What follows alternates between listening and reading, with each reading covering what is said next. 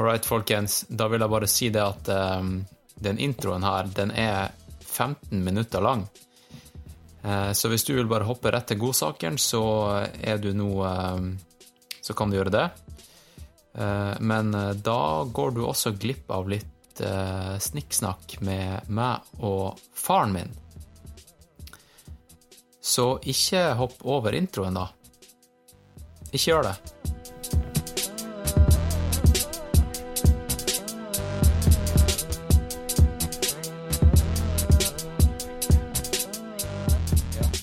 Klar, pappa?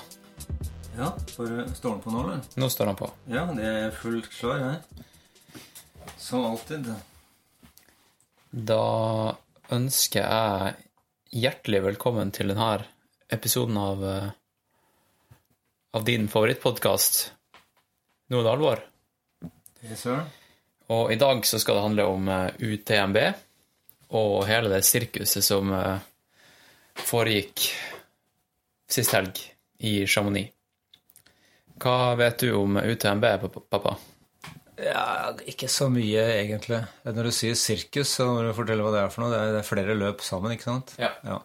Eh, nei, de foregår nede i Alpene. Eh, og det er tøffe løp. Eh, det er stort sett det jeg vet.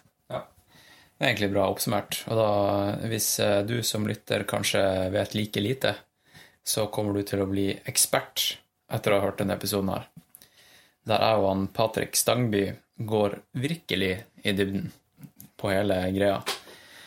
Um, jeg bruker jo å, eh, å takke mine patrions i introen. For det her er jo, her er jo introen til podkasten. Og um, du vet hvordan Patrion funker, pappa? Ja. Du, du, har skjønt greia? Jeg skjønner det, og det er ja. kjempeopplegg. Du uh, du uh, henstiller til folk som uh, uh, hører på podkastene dine, og yter en liten skjerv for at du skal kunne fortsette å gjøre det. Ja. Så de som liker det, de betaler inn via Patron. Det syns jeg er kjempefint. Ja, det er sånn det fungerer. Hvis du liker podkasten og setter pris på den og vil at den skal fortsette å komme et par ganger i måneden, minst Minst. Det ser ut som du lager igjen i uka, egentlig. Ja, noe sånt. Mm. Så er det bare å gå inn på patrion.com slash alvorpodkast. Og hvis ikke du fikk med deg den linken der, så kan du gå inn i, i um, shownotes til podkasten og klikke deg inn der. Fordi i shownotesen til denne podkasten her, det jeg og Patrick snakka om sykt mye, og vi, vi snakka om veldig mange forskjellige folk, og eh, mange akronymer som eh, kanskje er litt vanskelig for, eh, for, mange. Og Derfor har jeg gått virkelig til verks. Jeg hørte gjennom episoden mens jeg var på flyet i går, på vei nordover. Fordi nå er jeg i Tromsø. Um, og jeg hørte gjennom, og så noterte jeg meg alt som kunne være kanskje litt sånn litt vanskelig å få med seg. Kanskje bare sånn her eh, Vi snakka om en eller annen YouTube-dokumentar. Det er linker til alt der. Og så har jeg også fått bruk for hele min uh, utdanning og, og, fem års karriere som webutvikler. For jeg har um, Det som er at i de her shownotes så har du mulighet til å skrive HTML. Så jeg har brukt ordentlig HTML-kode for å skrive de shownotesene her. Okay, og for eksempel, da Det fete er at Nå er litt avsporing her, men um, i, i, HTML så er det en tag, fordi at all, all tekst er jo tagga med en tag for å fortelle nettleseren hva innholdet i teksten er. Så hvis det er en paragraf, så har det en klamme med P foran og etter for å forklare nettleseren og brukeren at det er en paragraf. Og en liste har jo en, en stor klamme rundt hele lista, som er UL, som står for unordered list. Og hvert listeelement har et, en tag som heter LI. Det blir veldig teknisk. Det blir veldig teknisk, men det er, det det er en tag som heter ABBR, som står for abbreviation. Og så har jeg gått til verks og tagga f.eks. UTMB med ABBR og gitt en title som forklarer hva det er for noe. Sånn at blinde som hører på podkasten, de kan gå inn her og lese shownotes og få nettleseren til å lese opp f.eks. altså korrekt og fortelle dem at det her er en abbreviation. Så um, her har jeg gått til verks, til verks, lytter. Uh, så ja, ok. Det var noe, det var noe mest det. Ja, Patrion, ja. Skal vi ta og takke alle som støtter podkasten? Nå, nå er det blitt veldig mange, men eh, eh, vi kan eh, takke dem som har signa opp på den tidollarpakken. Skal vi gjøre det? Ok. Da, du har jo lest opp de her før, Ja. så da kan du jo gjøre det nå. Alle tidollarene. Ja. Da går vi på fornavnet. ja eller ti dollar eller mer. Eller mer, riktig. Ja. Eh, Bård. Eh, Det, og, det, det er to Bård. og Bård og Vår. Uh, Chris, André, uh, Fred, Joakim, Johannes, Jørgen, Margaret, Markus, Mathieu, Ole Anders Det blir lang liste der. Apropos uh, Mathieu. Han, jeg ga han en shout-out siste episode, for jeg det var snakk om at eh, Jeg trodde kanskje han var en av dem som fullførte TDS, som var et løp i UTMB-sirkuset. Og det, var, det viste seg at det var, det var han. Jeg snakka litt, okay. litt med han i går. Ja. Så eh, en, en ny shout-out til Mathieu. Ja, go on. Ja. Eh, skal vi se, vi hadde kommet til uh, Mathieu, Ole Anders, eh, Paul, Remi eh, eh, En Remi til. Ja, det er to Remi. Ja. Eh, Robert, Ruben, Terje, Tor Erik, eh, Tyler. Ja, det Da var var vi- altså. Det begynner å bli så mange at eh, nå må jeg begynne å bli kreativ på Spørs om du har, kan bruke tida til å lese opp alle navn. Ja. Men det er jo luksusproblem. Ordentlig luksusproblem. Så tusen takk. Det er jo det er stor stas. Det er jo egentlig helt sjukt. Ja. Det er, det er ufattelig kult. Eh, og så har vi jo, sånn som siste episode, så har vi jo en eh, kommersiell aktør inne i bildet her. Og eh, det er ingen ringere enn det produktet som vi har foran oss her, som jeg er blitt veldig glad i. Og de heter Melbu kaviar. Og hva du kan fortelle meg om Melbu kaviar, pappa? Det Vi trenger ikke å lese og, og snakke om historien, hvordan de ble en sponsor av podkasten, for det gjorde jeg i forrige episode. Men uh, vi kan jo snakke litt om produktet. Ja, det vet jo ikke så mye mer om det enn at det er, eh, det er torskerogn. Ja, det er jo den her posteien. Ja. De har jo flere produkter, men de har en postei, og så har de en sånn eh, klassisk kaviar på tube, som er, har, fått er blitt best i test. Mhm. Terningkast seks. ja. Og slår egentlig alle de andre ned i støvlene med tanke på smak og sustainability og, um, og, og ingredienser. Ja, eh, det jeg vet at eh, noen sverger til eh, Melbu-kaviar over noen annen kaviar, så det, jo, det må jo være noe med den. Jeg liker mange forskjellige kaviarer, jeg syns den er grei. Men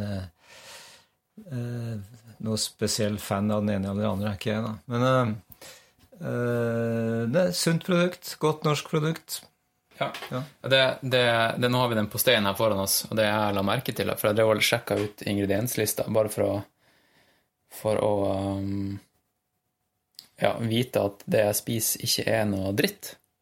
Da liker jeg å lese ingredienslista før jeg spiser det.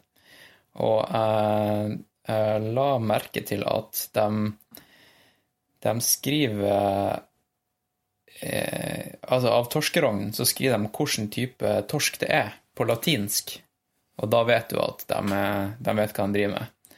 Og da heter, da heter torsken ga, Gadus morva. Ja, det stemmer. Det latinske navnet på atlantisk torsk. Ja. Så da Da vet du det, lytter. De bruker Gadus morva til torskerogn. Så det er fett. Eh, Jeg lagde en liten sånn eh, Jeg skrev også i shownotes at um, eh, jeg gjorde litt research på Melbu kaviar, og jeg lagde en sånn her 'Visste du at?'-liste. Og eh, eh, da kan jeg jo si den eh, Lese den opp her. For de har ikke gitt meg sånn her eh, reklametekst, sånn som mange andre podkaster har. Høres interessant ut. men- Ja, for det er faktisk ganske interessant. Og eh, det viser at Melbu kaviar eh, kun bruker eh, torskerogn fra sertifisert bærekraftig fiske. Og for det har de fått merket Certified Sustainable Seafood, MSC. Eh, de er det eneste Nei, det første brandet som er 100% lokaleid. Og det er en av grunnene til at de, har fått dette merket. Eh, de bruker ingen kunstige fargestoffer. Fargetilsetninger. Eh, mange av konkurrentene i denne testen som de eh, var med i, der det var 19 andre kaviarer, de bruker f.eks. Eh, et E-stoff som heter E120. Og det framstilles fra en lus som lever på en Nei, kaktus. Eh, og det viser seg at mange er faktisk ganske allergiske til det her. Hva, du som er forsker, pappa, hva kan du si om, om framstillinga av et fargestoff som utvinnes fra en lus som kommer fra en kaktus, eller som lever på en kaktus? Ja, det er første gang jeg hører, så jeg kan ikke uttale meg i det hele tatt om det. Men, men du, du, du, det er jo ikke tull. Nei, det er fullt mulig. Selvfølgelig, vi må jo tro på det. Eh, Men jeg skulle gjerne vite litt mer om det. Ja, det skjønner jeg godt. Eh, ja, og så uh, Melbu Kaviar vant den store kaviartesten, eh, hvor de var en av 19 varianter. Eh, testen var en blindtest og fikk terningkast 6. Så da eh, Det er fett. Det er veldig Gå, gå inn på melbukaviar.no og sjekk hvor du kan få kjøpt det, for det er ikke overalt. I hvert fall ikke i Oslo, der jeg bor. Nei, sant. Det er merkelig nok. Melbu er jo Hvor er Melbu? Det er jo i, i, i Lofoten. Er det. Lofoten, ja? Ja, stemmer det. Mm. Så tusen takk til Melbu og alle mine patrions. Eh, Melbu fôrer meg, og Patrion eh, gjør vel egentlig det også. Ja. I hvert fall betaler for servere for eh, alle de her lydfilene, fordi lydfilene her, dem er store. Når jeg, når jeg legger ut en podkast på tre timer, eksempel, der er det mange megabyte. ja, det tror jeg. Ja. Og eh, noen ganger så får jeg sånne mailer. Nå har du eh, gått over din eh, månedlige allowance. Hvis du skal ha én time til, så må du eh, legge på. Ok. Så det er fett. Det er blant annet så går eh, eh, Patrion-pengene direkte til det, da. Eh, ok, så igjen, bare sjekk ut shownotes, for jeg har eh, linker til alle Instagram-kontoer og YouTube-videoer som jeg snakker om, og dokumentarer og sånt, så det er mye snacks der. Seriøst, gjør det. Mens du hører på, bare klikk deg inn på podkasten og, og sånt. Eh, all right. Da tror jeg at um, vi bare skal trykke på play. Ja, du får finne den svære knoppen og slå til. Ja. Eh, Forresten, du, du kjenner jo en Patrick litt. Ja. Du har møtt han Patrick. Ja. Sist gang du møtte han, så var du Jeg og deg hadde faktisk løpt oss en tur i Lillomarka. Lillemarka, ja, stemmer det. Og så møtte vi han Patrick og kjæresten hans eh, Martine. Shout-out til Martine. Og så Ja. møtte vi han Johannes, som også er, vi snakker om på podkasten. Han som sprang fra operataket til Galdhøpiggen. Mm -hmm. og kjæresten hans Kristel, som også har vært på podkasten. Mm. alle dem møtte vi på Grefsenkollen og spiste pizza. Så tror jeg Erika kom litt seinere. Erika kom senere også, så hele sulamitten var, var der. Kjernen i gruppa. Ja, man kan vel kalle det kjerne. Mm. Eh, så hva du kan si om han Patrick? Jeg kan si om han. Ja, har du eh, Det er en hyggelig fyr. Jeg har, ikke, jeg har hørt ham en del på podkaster, og så fikk jeg snakke litt med ham eh, oppe på Grefsenkollen. Det er, er hyggelige folk, alle sammen. Eh, Vi har jo ikke vært så mye sammen, men det det lille jeg har sett den, jeg si at han er hyggelig. Han. Skal jeg si noe mer? Nei, du trenger ikke. Du, eh, eh, jo, det er en ting jeg vil si, er at eh, jeg fikk, eh, etter at jeg publiserte den forrige podkasten om eh, den Jotunheimen-ekspedisjonen fra operataket til uh, Galdhøpiggen, så fikk jeg en melding av eh, en som het eh, Ja, det var vel under Instagram-kontoen Runners of Norway, men jeg vet jo hvem som driver det, og det er jo han eh, Thomas Stordalen. Så shout-out til Thomas Stordalen, for han skrev at um, han hadde, Jeg vet ikke om han gikk eller løp seg en tur i, på stien mens han hørte på denne, denne episoden. Og han levde seg såpass mye inn i storyen at han falt av stien og gikk seg vill. Det er jo helt sjukt. Ja. ja, Det viser jo at det er, eh, du lager podkaster som er fengende, da. Ja, i hvert fall for stiløpere. Ja. Og um, det, jeg vil ikke ha på meg at noen blir skada av noe alvor. Jeg vil ikke ha noen søksmål. Så Um, men, men uh, denne podkasten kan du egentlig høre på mens du er ute og springer. Jeg tror den er kjempebra mens du er ute og springer. Rett og slett. Jeg tror ikke du skal gå deg vill. Det er ingen uh, kvister som blir knekt, og du vi, Det er han Patrick som sitter hjemme hos meg på studio på Disen. Mm. Ja. Ja. Nå tror jeg lytteren er lei av å høre på intro. Da tror jeg vi avslutter her, og så skal vi gjøre det vi har tenkt å gjøre i dag, som er du skal ut og plukke sopp og bær. Ja, det blir vel kantarell i dag, ja. ja. Og jeg skal ut og springe i fjellet. I Tromsø på en crisp høstdag. Flott vær. Ekstremt nice. Mm. Så da, da, snakkes vi, lytter. Ta, ta og Sjekk ut uh, Patrion. Gjør det. Det er masse fett uh, ultrasnacks der. Jeg kan jo si at um, det er en pakke der for um, for du kan, liksom, du kan velge hvor mye du vil, uh, du vil, støtte. Det er en pakke som uh, heter ultracoaching. Så hvis du lytter er, er gira på å ha meg som ultratrener eller coach, så har du mulighet til å signe deg opp via det. Og hvis du ikke eh, vil gjøre det bare via Patrion, så kan du jo bare snakke med meg i forkant og høre om vi er en bra match. Det tror jeg er en god idé. Så da setter vi i gang dagens episode med Patrick Stangby om UTMB. Pangstart.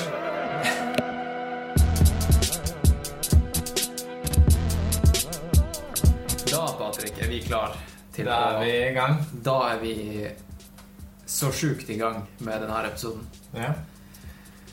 Få se om vi klarer å lage like mye sirkus som det var på sosiale medier under UTMB-uka. Ja. Der var det sirkus i år, da. Det var sirkus. Hva, det, hva vil du si var mest sirkus? Det er sånn oppsummert Egentlig Det jeg synes var mye sirkus, var at det var veldig mange som var aktive på sosiale medier. da Som gjorde en greie ut av det. Ja. Til og med Salomon var kjempeaktive, som er kjent for å være aktive etter deres utøvere egentlig ikke var med lenger så kjørte de bare på eh, fortsatt, de. Ja, ja. Og de var jo mennesker som liksom, gjennom natta jobber med det her, og liksom, det er jo en kostnad involvert for de da. Og ja. de gjorde det jo mest sannsynlig bare for å markedsføre sine atleter. Men de kjørte jo på, for de vet hvor mange, eller så sikkert statistikken på mange som fulgte med, da.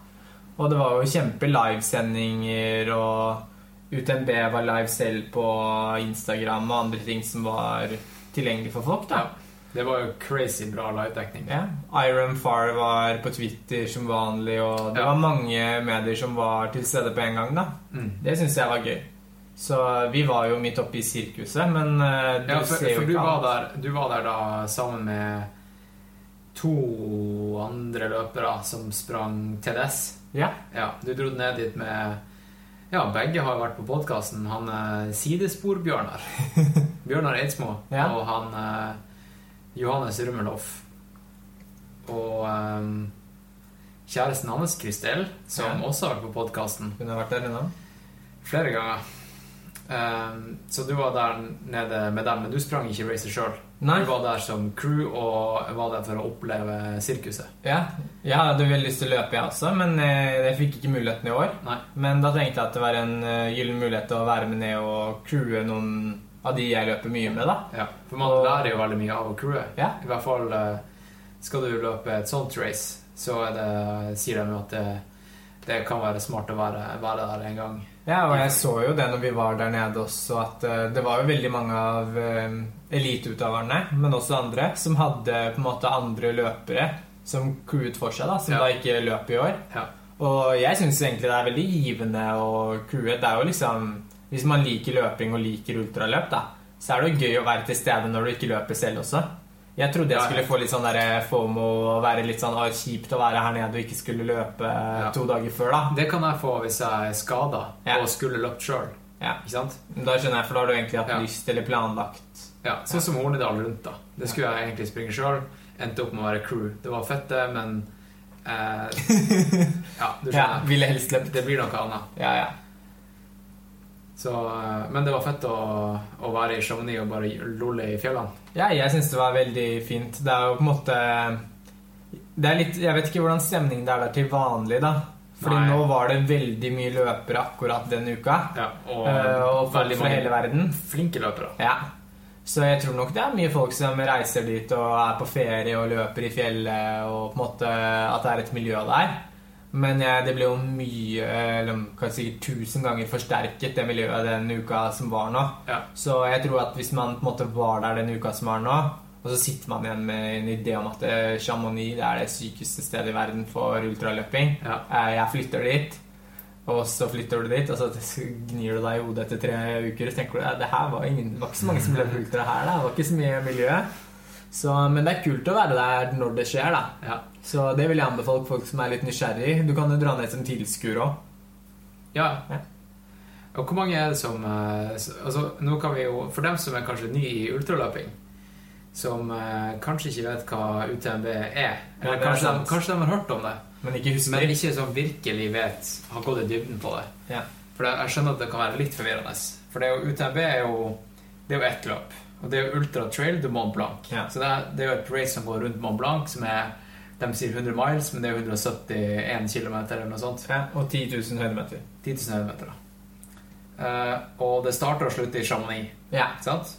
Og så har du det, de andre løpene som er en del av UTMB-sirkuset, mm. som vi kaller det som er TDS. Så ja. var det han Johannes og han uh, Bjørnar sprang. Som er 120-125 km. 125 km. Ja. Og som ikke går uh, rundt et fjell. Det, starter, det, det går på deler av UTMB-løypa, men de sier kun den peneste delen. Ja, og så tar det en mye større sirkel, en halvsirkel i en litt annen retning. Det går litt uh, lenger ut, da fra ja. Mont Blanc-massivet. Husker du hva TDS står for? Eh, det her har vi snakket om flere ganger, men jeg, husker, jeg tror kanskje det er Tour de Savoy eller noe lignende. Du kan jo google det. Ja, men det går i et område som de kalte for Savoy eller noe. Og det er et veldig historisk område. De løper delvis innom en sti som jeg tror er fra romertiden, til og med. Ok, men uh, det, er det, det, er ikke det som TDS står for i, uh, som uh, Beskrivelsen? Beskrivelsen, Skal vi se. Har du det her der? Nå har jeg jo Mac-en foran meg, så alle resultater på Google når jeg søker på TDS, er jo UTMB. Men Skal vi se Ja. Jo, sur Nå skal jeg bli være veldig norsk her. Eh, det er Sur les trasedes dux de Savoy. Savoy, ja. ja, Det var Savoy. Oi, oi, oi. Nå, hvis det er noen franskmenn Jeg kjenner en franskmann som kanskje hører på. Han kommer til å drepe meg. Eh, og så har du CCC, som ja. du ville springe. Og det, jo, det, står jo for eh, Cormayor, Champex og Champelac. Ja, og Chamonix.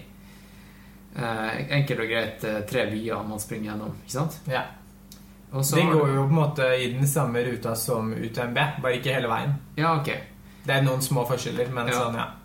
Og, så, og det, er, det er 120 km. 119 Nei, 101 km. 101. Og så har du OCC, som er 53 km, som er en sprinteversjon. Eh, den starter i Orcieres og går gjennom Chapex og Chamonix. Ja. Eh, og så har du PTL, som står Jeg gidder ikke å snakke med fransk. Jeg, jeg har aldri satt meg inn i fransk. Jeg gidder ikke. Eh, men det er 300 km. Starter i Chamonix og avsluttes i Chamonix. Ja. Og jeg tror det er 25 000 høydemeter. 28 000. 28 000. Ja. Og så har du faktisk eh, MCC. Det har jeg aldri hørt om. Det er, det er nytt av året? 40 km. Ja. Uh, og så er det eh, et som er på 15 km, som heter YCC, og det er Youth Chamonix Cormayor. Mm. Ålreit. Da har vi i hvert fall uh, forklart litt uh, akronymer, og vi gidder ikke å snakke mer om dem. Da kan vi jo kanskje avbryte det, eller skal vi gå over nei, til Nei, nei, nei. Da kan vi kanskje snakke om uh, Eh, hva som skjedde på TDS. Vi kan ta TDS først, da. Ja. TDS. Du var jo vitne til det hele. Ja, det var Hvordan var det fra, fra innsida? Fra innsiden?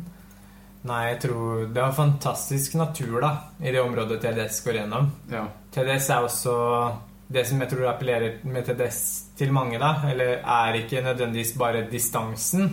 Det handler mer om at uh, det er et mer teknisk løp enn CCC og UTMB. Ja, for det, ja, det er litt mer finere stier og løpbart. Ja. Og det er faktisk en del asfalt og sånt på UTMB. Ja. For du må springe gjennom byer. Og det, Ja, ja. Så, og det var kanskje litt av det som var utfordringen med CCC også. Som feedback fra andre mennesker som hadde crewet på CCC tidligere og på UTMB. ja. Var at uh, UTMB og CCC går ofte opp, opp av en dal fra en by. Og så løper du kanskje langs en fjellside, og så kommer du ned i en annen by, og så er det en aid station der. Men så er det veldig lett å følge rundt, da. Mens TDS går mer over et fjellområde. ja. Så å følge det med bil er ikke like lett gjort. Nei. Det er jo veldig fine veier i Alpene i forhold til en del andre steder, så du kommer deg jo rundt. Men eh, det, er, det skal kreve litt mer eh, ja, Ikke planlegging, kanskje, men du krever litt mer tid i- med å kjøre og følge opp, da. ja. Så det var stressende å følge med rundt også. Det Men det. var var veldig flott område, så det var veldig fint å kunne kjøre gjennom og få sett litt av løypa, da. ja. Og da spesifikt eh, holdt på å si, våre utøvere. Ja, Johannes og, og Bjørnar. og Bjørnar. Jeg vil jo si at han eh, Pål også var vår. Men, men, men han var på en måte der i regi av jobben sin også, Ja, riktig. som er Hoka. Ja. Han jobber i Hoka. Eh, Så han var jo der nede med sine fellow franskmenn, for han er jo fransk. Han gjorde det dritbra. Han gjorde det kjempebra. Han er jo eh, kom på 29.-plass. Ja. Det er sjukt bra. Eh, Johannes måtte DNF-e. Han brøyt etter 50 km ca. Ja, det riktig. Og, og Bjørnar, han fullførte på 24 timer, 24 minutter og 12 sekunder. Ja, Han liker jevne tall. Han endte på 333. plass også. Så Seriøst? hvor mange, eh, hvor mange deltakere var det? Vet du det? Nå må ikke jeg si noe uten at jeg husker ikke. Jo, nå ser jeg her. Det var 1328. Ja. Han som kom på sisteplass, er fra Colombia. Han heter Chata til Pablo Hernando Gomez Berrio. ja. Hvor lang tid brukte han? Ser du det? Eh, ja, det står 20 timer og 52 minutter. Så det Nei, 34 timer. 34. Ja. Det var rett før Det Så ti timer etter Bjørnar. Og ja, ja det, det er godt gjort å være ute så lenge. Eh, ellers, da Vi hadde hun eh, Elisabeth Borgersen Riktig. på syvendeplass. Mm. Fantastisk eh, prestasjon. Ja, jeg vet at hun hører på podkasten også, og eh, shout-out til Elisabeth. Ja, det er kjempebra. Det er helt insane. Ja. Hun så veldig fresh ut underveis, så det var ikke noe tvil om at det skulle gå i riktig retning. Ja. Hun har jo begynt å bli veldig godt kjent i eh, området også. Hun har jo vært der en periode og trent ja, det, ja. ja, en god stund, så Ja, nå later jeg som at jeg var overraska, men jeg er ikke det. Jeg har sett det på Insta og, og sånt. Det, det er jo veldig kult når, eh, når, når det funker for folk å forberede seg spesifikt mot et race. Ja. Det er jo mange forskjellige approacher. Ja. Kilian, for eksempel, han uh, loller jo bare rundt i hele verden og springer masse race, og så møter han opp, og så vinner han. ja. Så er det noen som eh, er der i to måneder i forkant og liksom virkelig øver på løypa. Mm. Og ofte så kan det gi negativt utslag også. Ja. For du får såpass For det første blir du lei av, av løypa. løypa. For det andre så, så har du mista kanskje litt av den gløden for løypa og racet. For du har vært der så mye. Ja, eller kanskje at du legger veldig mye press på deg selv. Ja, for jeg investerer så mye tid der. Jeg gjentok egentlig bare meg sjøl. Det var Ja. andre jeg mente, Ja. at, eh, at du legger press på deg sjøl. For hver dag så ser du løypa, ikke sant? Ja, det er her du skal løpe Ja. 38 dager igjen. Ja, ikke sant. Ja. Her kommer det til å skje. Hva, hvis det skjer? Alt du tenker på, er på det racet. Ja. Men så har du andre som eh, stiller opp dagen før og bare ikke har gjort noe research på høydeprofilen og bare klinker til og vinner. Ja. Så det kan slå alle veier. Og det er fett, eh, fett at hun, eh, Elisabeth gjorde det bra. Eh, ellers på resultatlista så var det jo det, det var veldig mange flinke løpere som stilte til start. ja. Og de falt jo av, mange av de òg. Ja, det gjelder jo for alle de her UTMB-racene. Men uh, TDS, da var det vel uh, Hvem vi skal dra fram da? Hayden Hawks? Hayden Hawks, ja. ja. Jeg er egentlig ganske fan av Hayden Hawks. Jeg syns det var litt sånn kjipt. Uh, vi kom inn på den første stasjonen der vi kunne faktisk gi assistanse, da. Ja. Det hadde vært stasjoner tidligere der de kunne komme inn og få seg litt å drikke og litt mat, men da måtte de forsyne seg selv. Men eh, så når vi kom til denne stasjonen litt tidligere enn eh, Bjørnar og Johannes skulle være der, mm. så trodde jeg at vi hadde mistet de tre-fire første, da. Eh, at vi var litt for sent ute. Men for jeg så liksom nummer fem komme inn. Og så plutselig borti hjørnet der så syntes jeg så masse sånne hoka-folk, og jeg visste ikke helt hva som skjedde. Og så så jeg Hayden Hawks, ja. og da tenkte jeg ikke hva skjer her nå? Nå skal jeg prøve å finne ut av hva som skjer.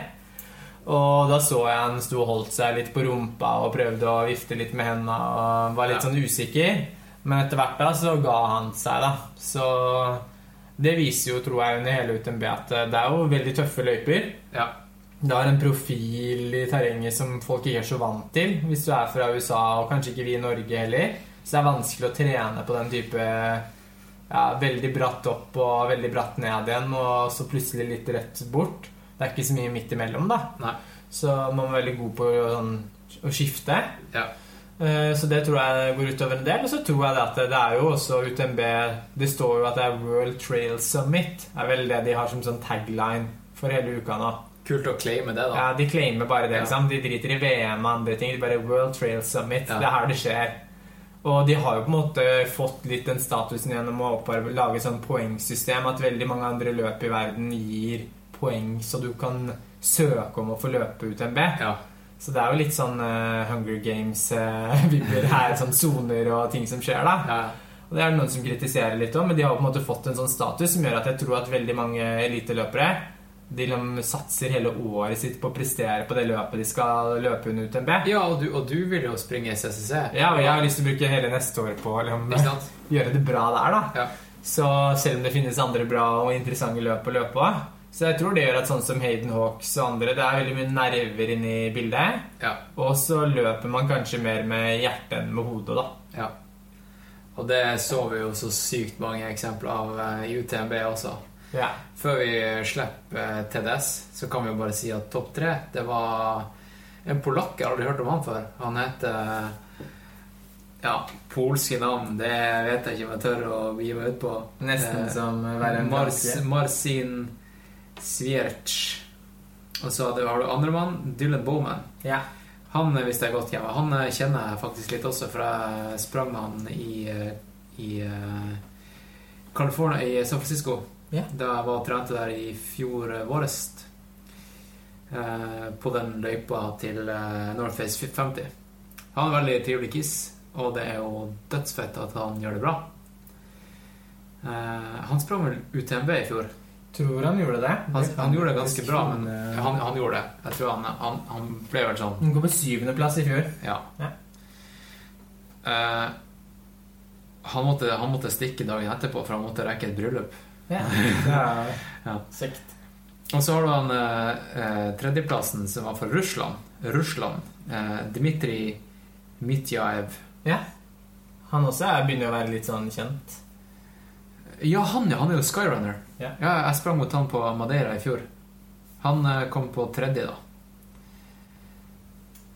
Det, det er helt riktig. Både i det skyracet og her på, ja. på TDS.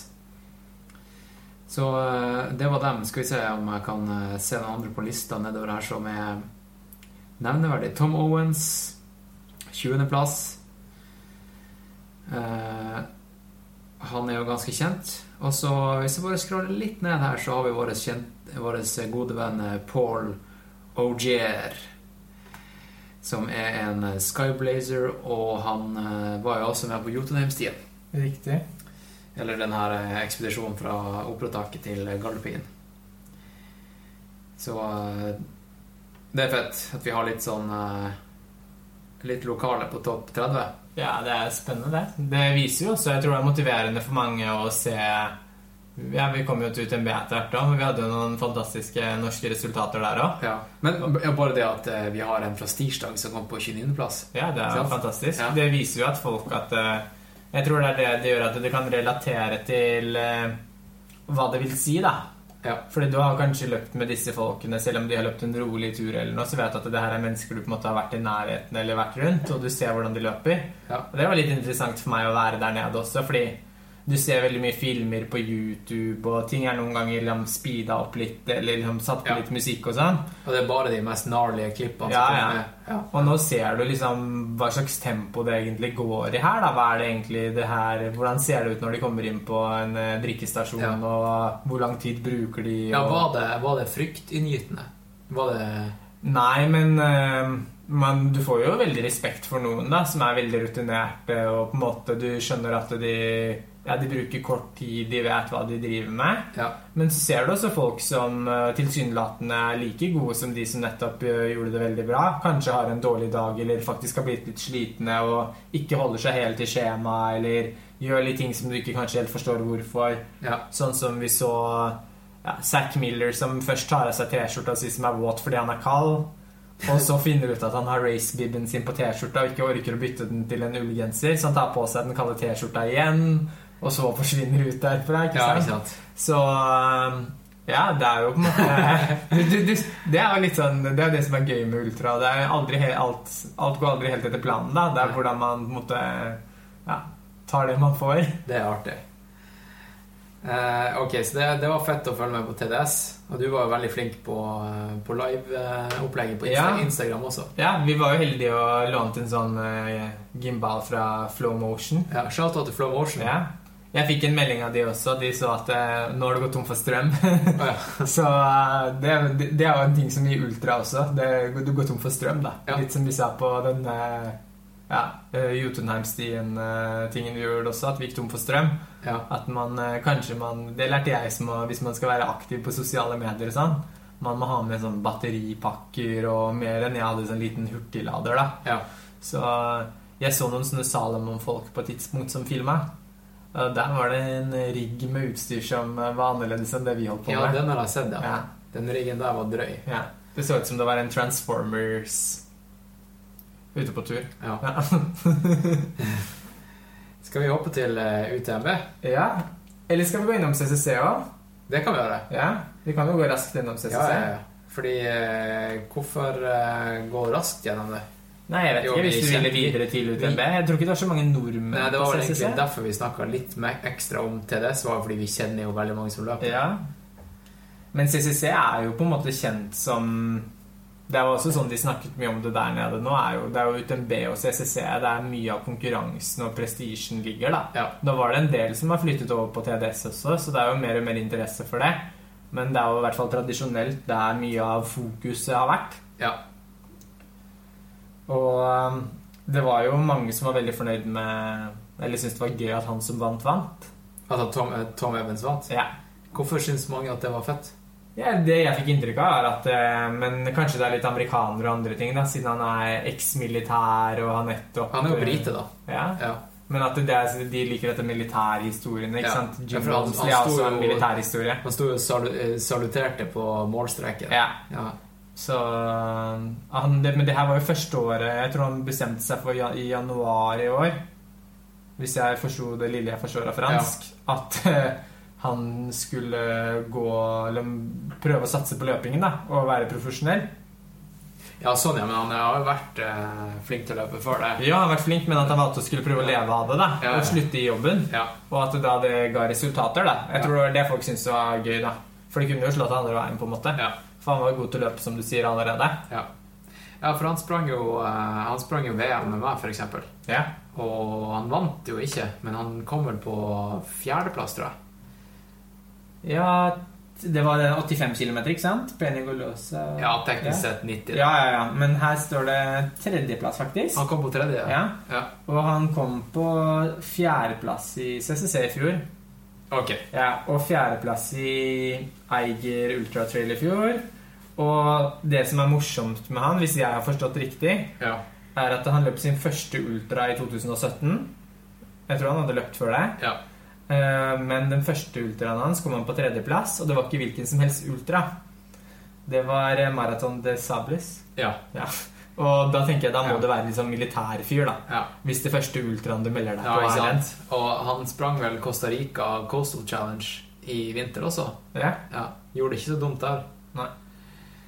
Så eh, det, det er mange sånne eksmilitære som gjør det bra i, Ja. i ultra. Han derre G- Gereminias Gri, Grinius, Grinius han vant jo eh, Trans Gran Canaria. ja. Han har vel kanskje gjort det flere ganger. Det er jeg usikker på, men Ja. det kan godt hende. Det artige med han er at han er kjent for å ha et superlavt uh, VO2 max. Han bare er Seig. Han er seig. Han har sett ting som gjør at uh, det har han lyst til å glemme. Og da er det bare å kjøre seg i kjeller- kjelleren. og det kan jo være at Tom Evans også har sett ting. Jeg vet ikke.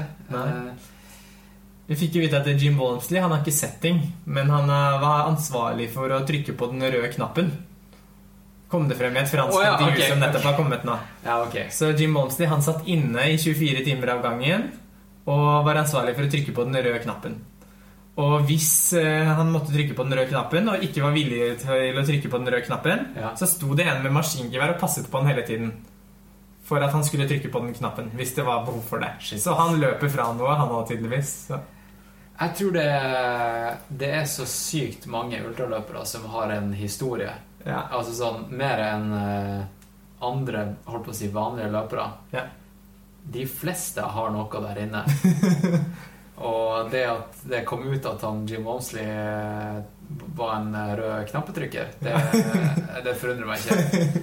Og jeg tipper, jeg tipper 95% av alle vi ser her på, på startlista og på den lista vi ser her, har et, noe har skjedd. Altså Men sånn er det i livet til de fleste mennesker, tenker jeg. Ja. Det er kanskje noen litt drøyere historier ute og går, Det er nok det, ja. men Det er nok det. eh, alle har jo sine historier, da. Alle har jo det. Vi har alle vår bagasje. Men en annen ting som var gøy med CCC, er jo at eh, de snakket også veldig mye om at det er veldig mange nasjoner med på UTMB generelt nå. Men at det er veldig spredd eh, hvor folk faktisk er fra, da. Eh, og vi hadde en andreplass der det er en kineser som heter Min. Det er interessant. Ja. Og hvis jeg ikke husker Jeg Du- tror Jeg, jeg så et intervju med han etterpå. Ja. Eller nei, jeg, jeg tror det var snakk De snakka med treneren hans. ja. Og det var interessant å høre hans eh, nutrition-plan. Hva var det, da? Nei, hva var det? Det var fordi at uh, i Kina så er de vant til å Eller de, de har ikke Det er ganske nytt for dem, det her med ultraløping. Ja. Så de driver og lærer alt nå. eh, det som eh, de f.eks. i USA, som starta tidligere enn vi i Norge, i hvert fall. Men sånn Ja. her, eh, de med mer erfaring har jo selvfølgelig mer erfaring, men de må jo lære på nytt. The hard way. Og de er ikke vant til å spise mens de springer. De er vant til å bare gå all in så lenge det varer. Eh, Men nå hadde han drukket honningvann underveis. Og hadde med seg masse kinesiske greier. Sånn her eh, fint brød fra Kina. Og honningvann. Det var det han hadde spist. Ja, men mye som kan funke, da. Mye funker. Eh, og hvis du Jeg er ganske sikker på at hvis du er overbevist om at eh, det er superpowers i honningvannet, så springer du som en gærning. Ja. Det går bra. Han gjorde jo det. Det gikk jo bra. Det gikk jo bra. Og um, det var jo gøy også, fordi hun som kom på førsteplass av kvinnene, Ja, hun kom på ellevteplass overall. Det er jo kjempesterkt er i et sånt felt. Ja. Og hun har morsomt navn også. Hun heter Mjau. Mjau, ja. Mjau, jau. Mjau, jau. Det er sikkert feil eh, måten vi sa det på. Men eh, hvis jeg forsto det riktige målområdet der, så er det kjæresten til han som kom på andreplass. Okay. Så det her er jo skikkelig kinesisk eh, power couple, da. Det er power, power couple. Sammen drikker de honningvann. Ja. Så det er, det er gøy, da. Ja. Pau Capell på tredjeplass. Han er jo veldig kjent. Um, jeg vet egentlig ikke så veldig mye om han, men faktisk nummer åtte ser jeg. Harry Jones. Han vet jeg godt hvem er, fordi han følger jeg på YouTube. Gjør du det? Nei, det er faktisk ikke. Han er en Hoka-atlet. Det står ikke Hoka her, men jeg vet han, han er en sånn her eh, Han burde folk sjekke ut. Han heter Harry Runs på YouTube. Og for dem som er blodfan av Nå er det alvor, og som har binsja alle episodene, de husker kanskje at det er en episode der jeg snakker med han Tim Sheef. Der han Tim Sheef er i Thailand, når jeg ringer han på Skype. Det, for han, han, er jo ikke i leiligheta mi sånn som vi er nå. Jeg ringer han. Og han er i Thailand, og han er faktisk og besøker han Harry Jones. Eh, som bor i Thailand og jobber som eh, online coach. Og bare springer her i fjellene der og eh, spiser frukt og grønnsaker. Det husker jeg faktisk. Ja. episoden. Det er bra.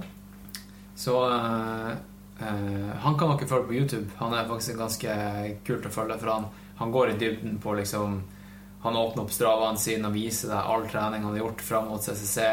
Han, han tar deg gjennom alle, all trening han har gjort. Ikke sant? Så uh, det er fett med folk som deler mye. Og det, det er ekstra kult å se at folk som deler mye, også gjør det bra i løp.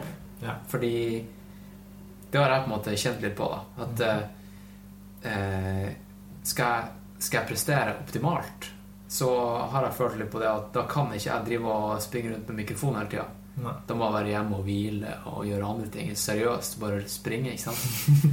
kan ikke drive og være han kis med mikrofon. Nei. Og det, det, det, ser jeg litt. Alt til sin tid, da. ikke sant? Kan nedprioritere Eh, litt sånne her eh, crazy eh, podkastprosjekter i perioder der det er mye trening og, og sånt. ikke sant?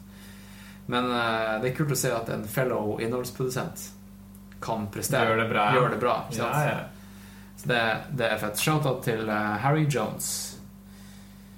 Jeg kan linke til han i shownotes til podkasten. Alright. Skal vi hoppe over til UTMB? Det er jo det vi som er Vi kan gjøre det. Ja. Det var jo litt av et show. Ja, herregud. Rett og slett. Jeg, kan jo si det at uh, jeg var jo i Tromsø i helga da det foregikk. Og jeg var hjemme alene.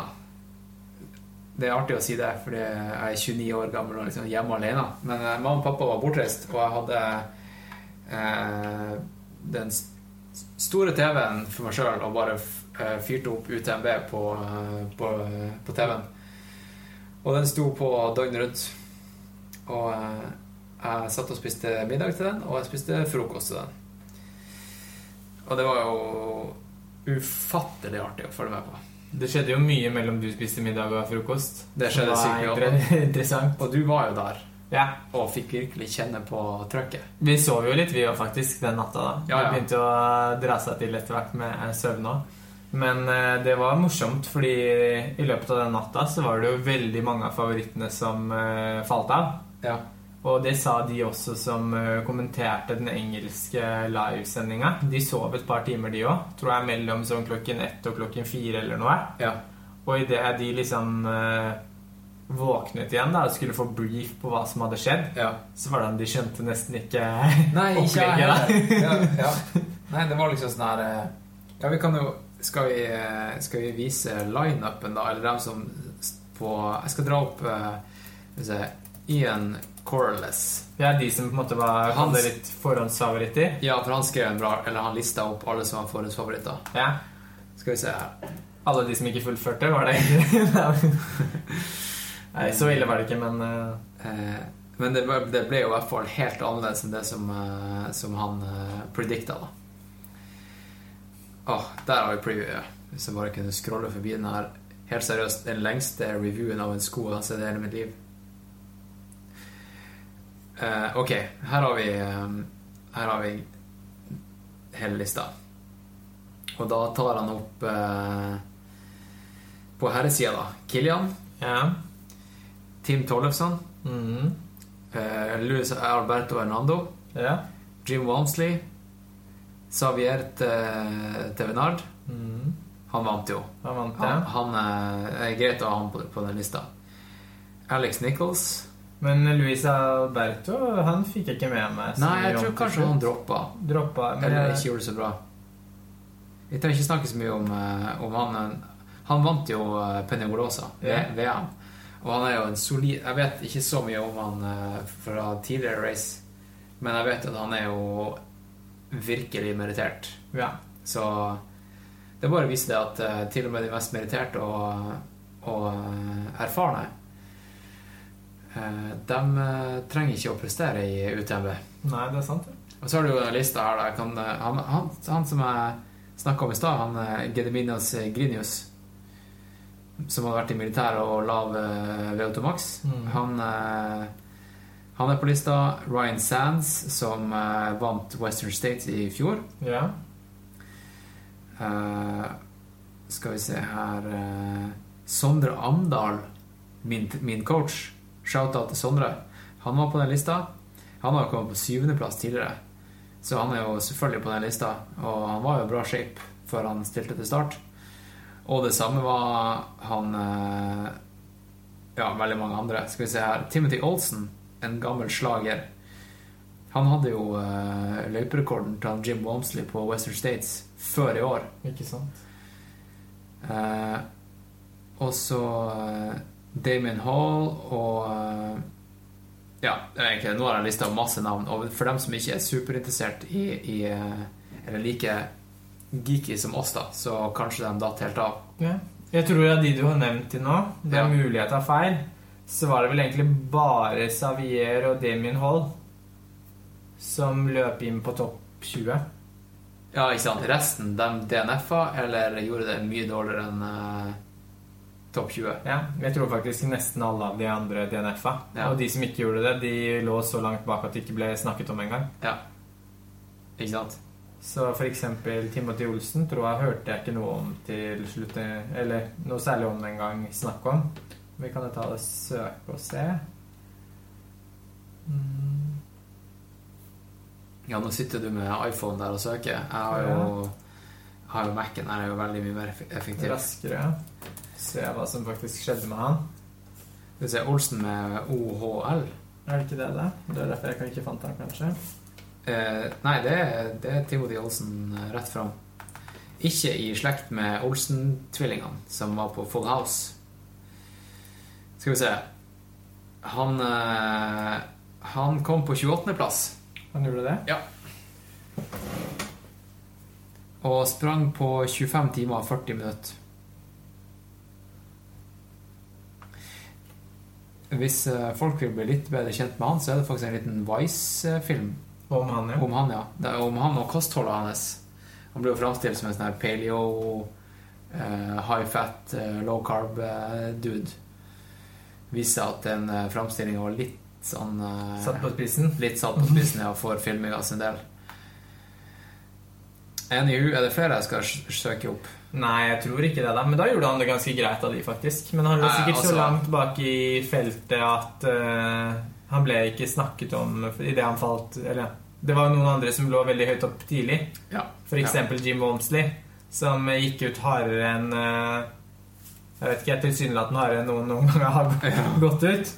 Og som falt bakover, som folk syntes det var litt gøy å fortsatt følge med på frem til han faktisk valgte å gi seg. da ja. Men han sa plutselig, eller han ble motivert av de som crewet han til å fortsette, selv om han ikke kom til å vinne.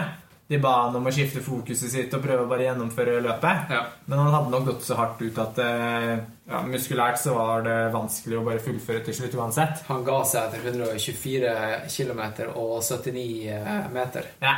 Champelac. Champelac. I Sveits. I Sveits. Så håper jeg han hadde blitt pass, for han måtte tilbake over grensa. Alright, så det, det, var status uh, Jim Wamsley. Yeah. Han, uh, det er jo mye snakk om ham. Han, han, han, går jo hardt ut, og enten så holder det, eller så holder det ikke. Yeah. Veldig likt en av hans uh, land, kjære landsmenn, Zack Miller. Zack Miller, ja. Jeg syns jo for meg så tror jeg egentlig Jeg liker veldig godt Zack Miller, men for meg gjorde han hele dette løpet, da. Det hadde ikke vært sånn Underholdningsverdien hadde ikke vært der uten uh, Zack Miller i 2018. Nei. Han. Så han hadde nok også Han hadde bestemt seg for å vinne. Han er jo fargeklatt. Ja. Selvfølgelig. Og han, han, hadde ikke bestemt seg for å komme på tredjeplass. Så han Når uh, Ja, han hang seg på Xavier som vant. Som vant. Ja. Så var nok det kanskje i en fart som ikke var helt bærekraftig for uh, Zack Miller den dagen. Og i hvert fall ikke på de tidspunktene som de løp i den farta. Nei. Så det gjorde jo Det fikk jo litt utslag etter hvert.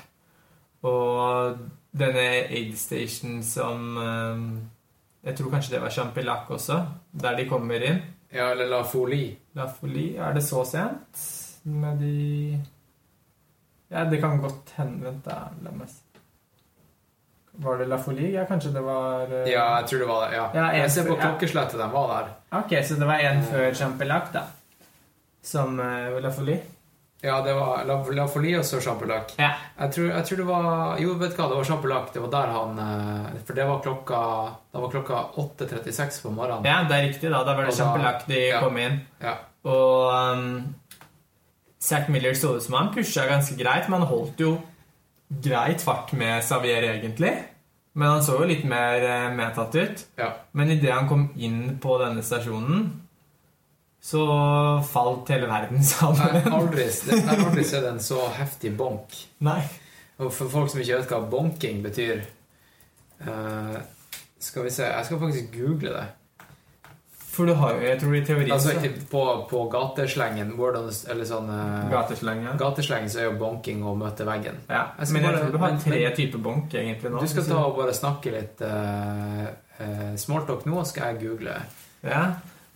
Nei, det som var fascinerende å se med Zack Miller når han kommer inn der, er at uh, han setter seg umiddelbart ned, da.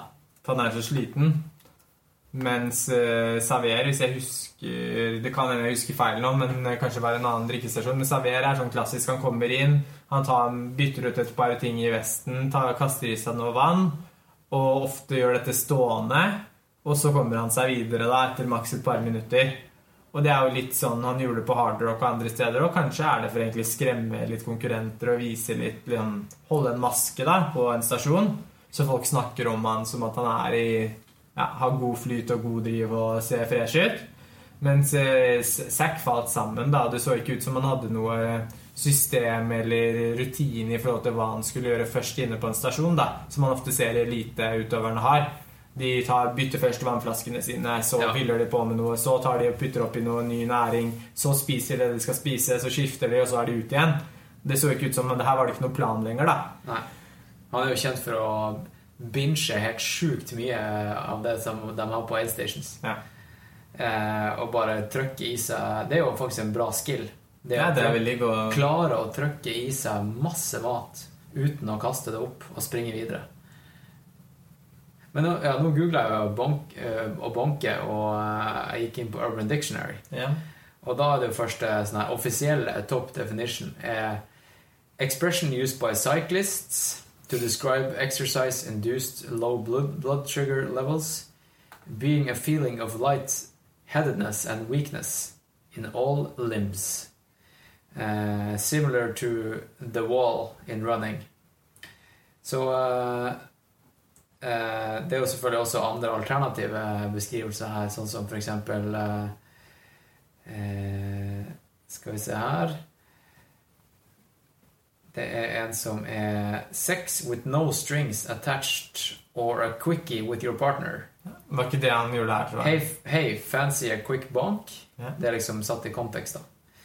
Det var ikke det han gjorde der. Nei. Han møtte veggen. Men jeg tror det her med måten å møte veggen på som jeg refererte her om bonking, er jo på en måte det å gå, at glykogenlagrene går tomme. da At man ikke har næring.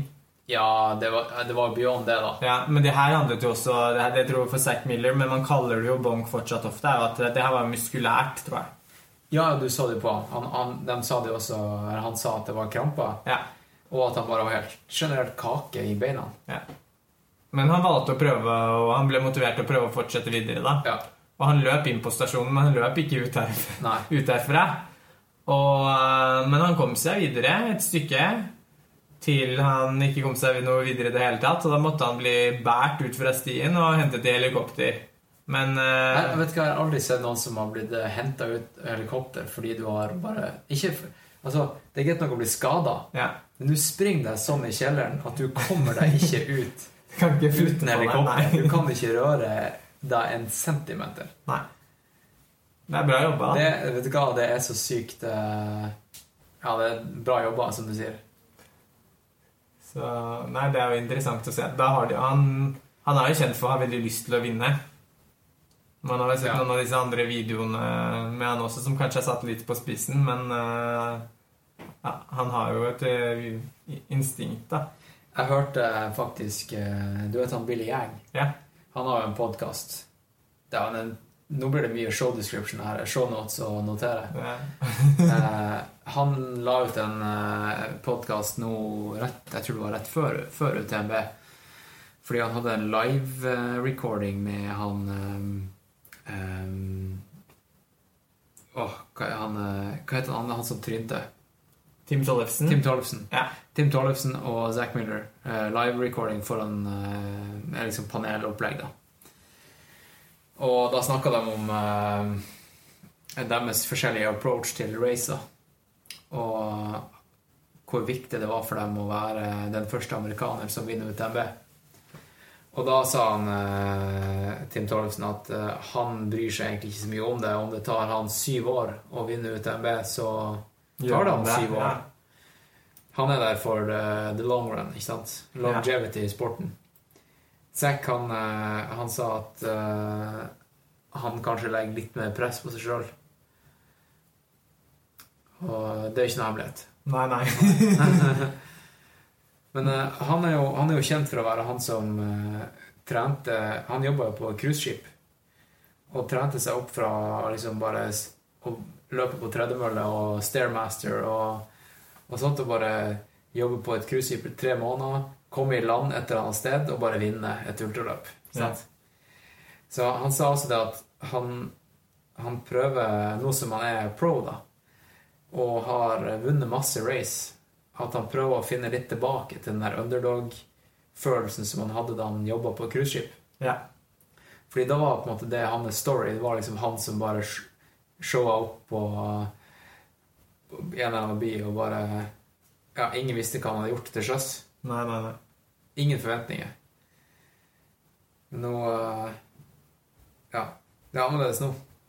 Ja, jeg tror noen de føler på det også. Kilian måtte jo bryte fordi han ble fikk, Det var en biestikk. biestikk. Reagerte på, på, det, da. Ja, Så han løp jo fortsatt ganske langt, men så fikk det utslag etter hvert uansett. Ja. Og han skrev det første han skrev på Jeg husker om det var Insta-story eller en post, eh, var at eh, han eh, ikke syntes synd på, men han tenkte på alle som var der for å støtte han av sponsorer og venner og andre, ja. da. Fordi det, det blir jo liksom det er ganske mye økonomisk press da, på en del eliteutøverne. Ja. Og det tror jeg man ser også som gjør noe at eh, Jeg vet ikke om de har bonusinsentiver og andre ting, om det er derfor, men de føler jo også at de må levere. da. Eh, derfor ja. kanskje går de ut litt hardt, da. For at de må bevise noe. Men det, det, kan, det, er nok noe vi kan ta en hel episode om, er det der mindsettet fra å gå fra å være, være usponsa og bare løpe race for å ha det fett. Ja og til å bli sponsa og plutselig føle at man må prestere. Det det er interessant. Interessant, ja. Men Team Tollefsen han eh, har jo på en måte løpt Han har to tredjeplasser fra UTMB allerede. Ja. Og han virker som han har litt annen approach eh, til det. da. Han har jo også da Han har sprunget 300 milere, ja. og de tre har vært ute i NB. Mm. Men greia er jo det at uh, han har jo også da vært en veldig flink løper før Tidligere, når han var yngre. Ja. Som college-løper og, og sånn. Så det, det, er mange som sier ah, 'jeg har bare løpt ultra i to-tre år'. Ja, men du, du har jo da sprunget profesjonelt maraton i ti år. Ja. så det er ikke noe så hard overgang. Nei. Uh, ja, så det, det mindsettet om, uh, med løping, det er interessant. Og apropos det, jeg hørte i dag en episode det er fett med, med, den jobben jeg har nå. Bare for å gjøre et lite sidespor. Det er jo veldig variert. Akkurat nå, i dag, vet du hva jeg har gjort? Nei. Jeg har uh, båret og rigga. Altså, jeg, jeg, har vært, jeg, var skikkelig fysisk sliten da jeg gikk hjem fra jobb. Og jeg har ikke trengt å forholde meg til så veldig mange mennesker, så jeg kan putte på en podkast på øret mens jeg jobber. Så se for deg For jeg driver og bygger et verksted. En så god gammeldags sløyd. Og jeg drev og rigga bærte utstyret fra ett lokale til et annet et over gata. Ja. Frem og tilbake, frem og tilbake. Og en av de tingene jeg bærte, det var liksom en sånn her Du vet det på tegneserier, når du ser noe som skal være tungt når de kaster det ned fra en klippe. Sånn bolt eller Ja. Det, det bærte jeg i dag. ja, ja. Uh, så det, da. Um, Zack Miller han, eh, han, jobber jo oppe i fjellet mm. og er fysisk aktiv hele dagen. Han jobber på en sånn her eh, hytte. Ja.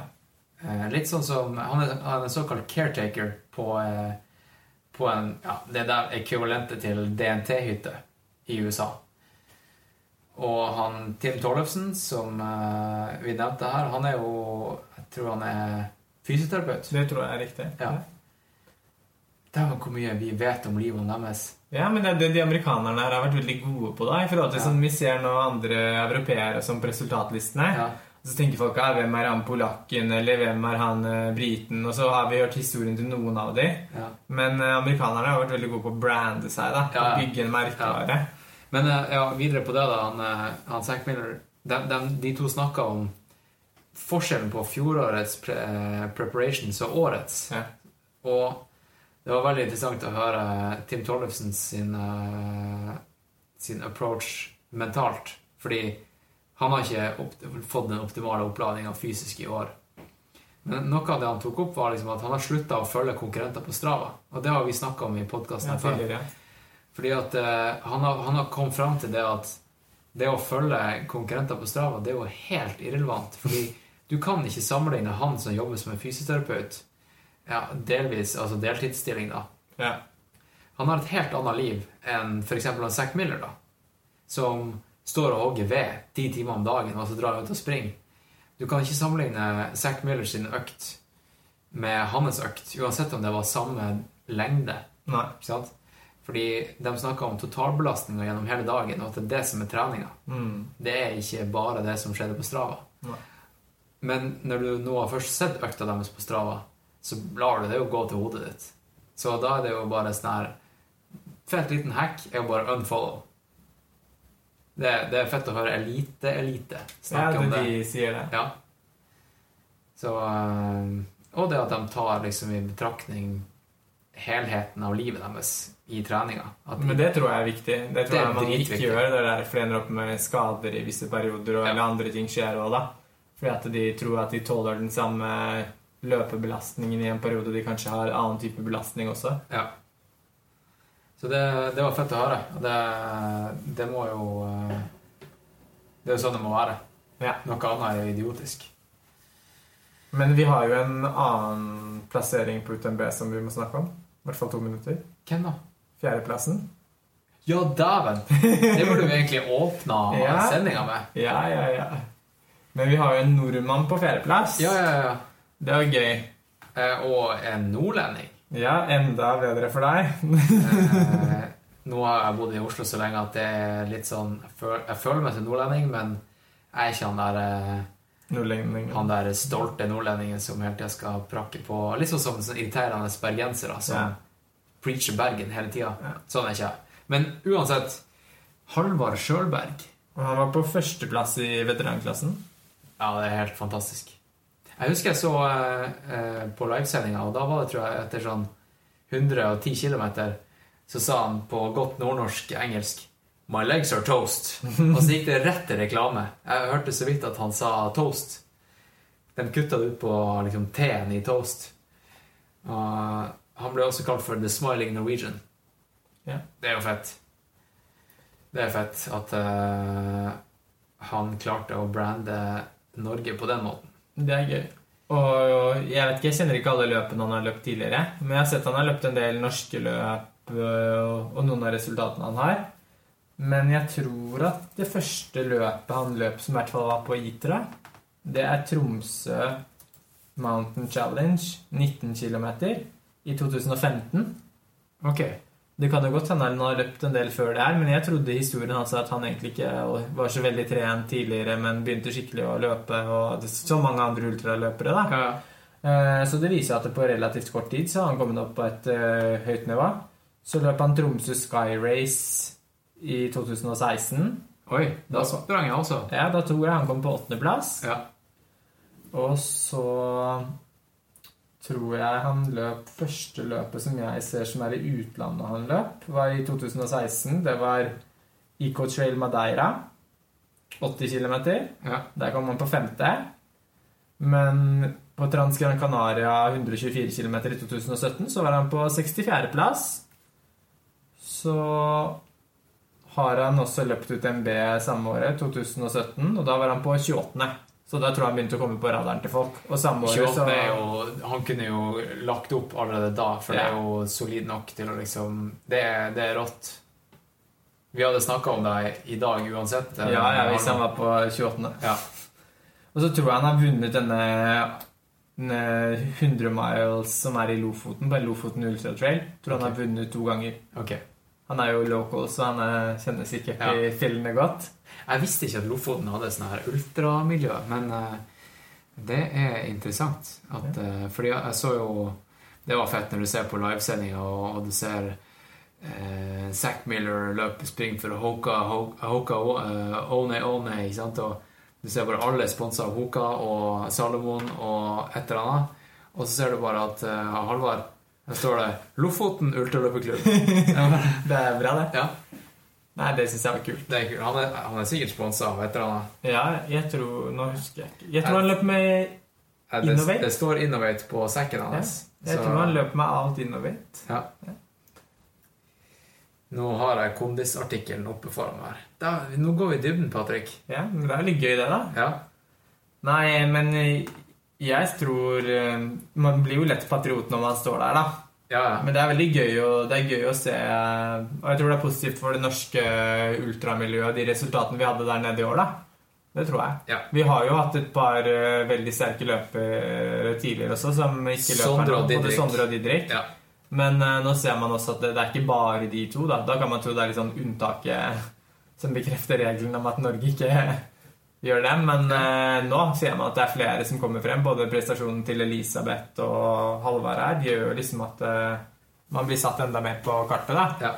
Og de snakket jo liksom om uh, Norge og litt sånn, ikke mye, men uh, noen av de spikerne og sånn. Og du hører liksom, De tror at det er veldig løpemiljø her, og det ja. begynner det å være òg. Så det er jo kjempekult, da. Og ja. det tror jeg er motiverende kanskje for de som uh, ikke har begynt å løpe ultra enda, og kanskje ikke løper noe særlig i det hele tatt, men som får med seg de tingene som skjer da, som ser at det er en greie og at det er et miljø, gjør jo at det er kanskje er lavere terskel for å starte å løpe òg. Ja. Så det er kult. At man har noen som går litt foran i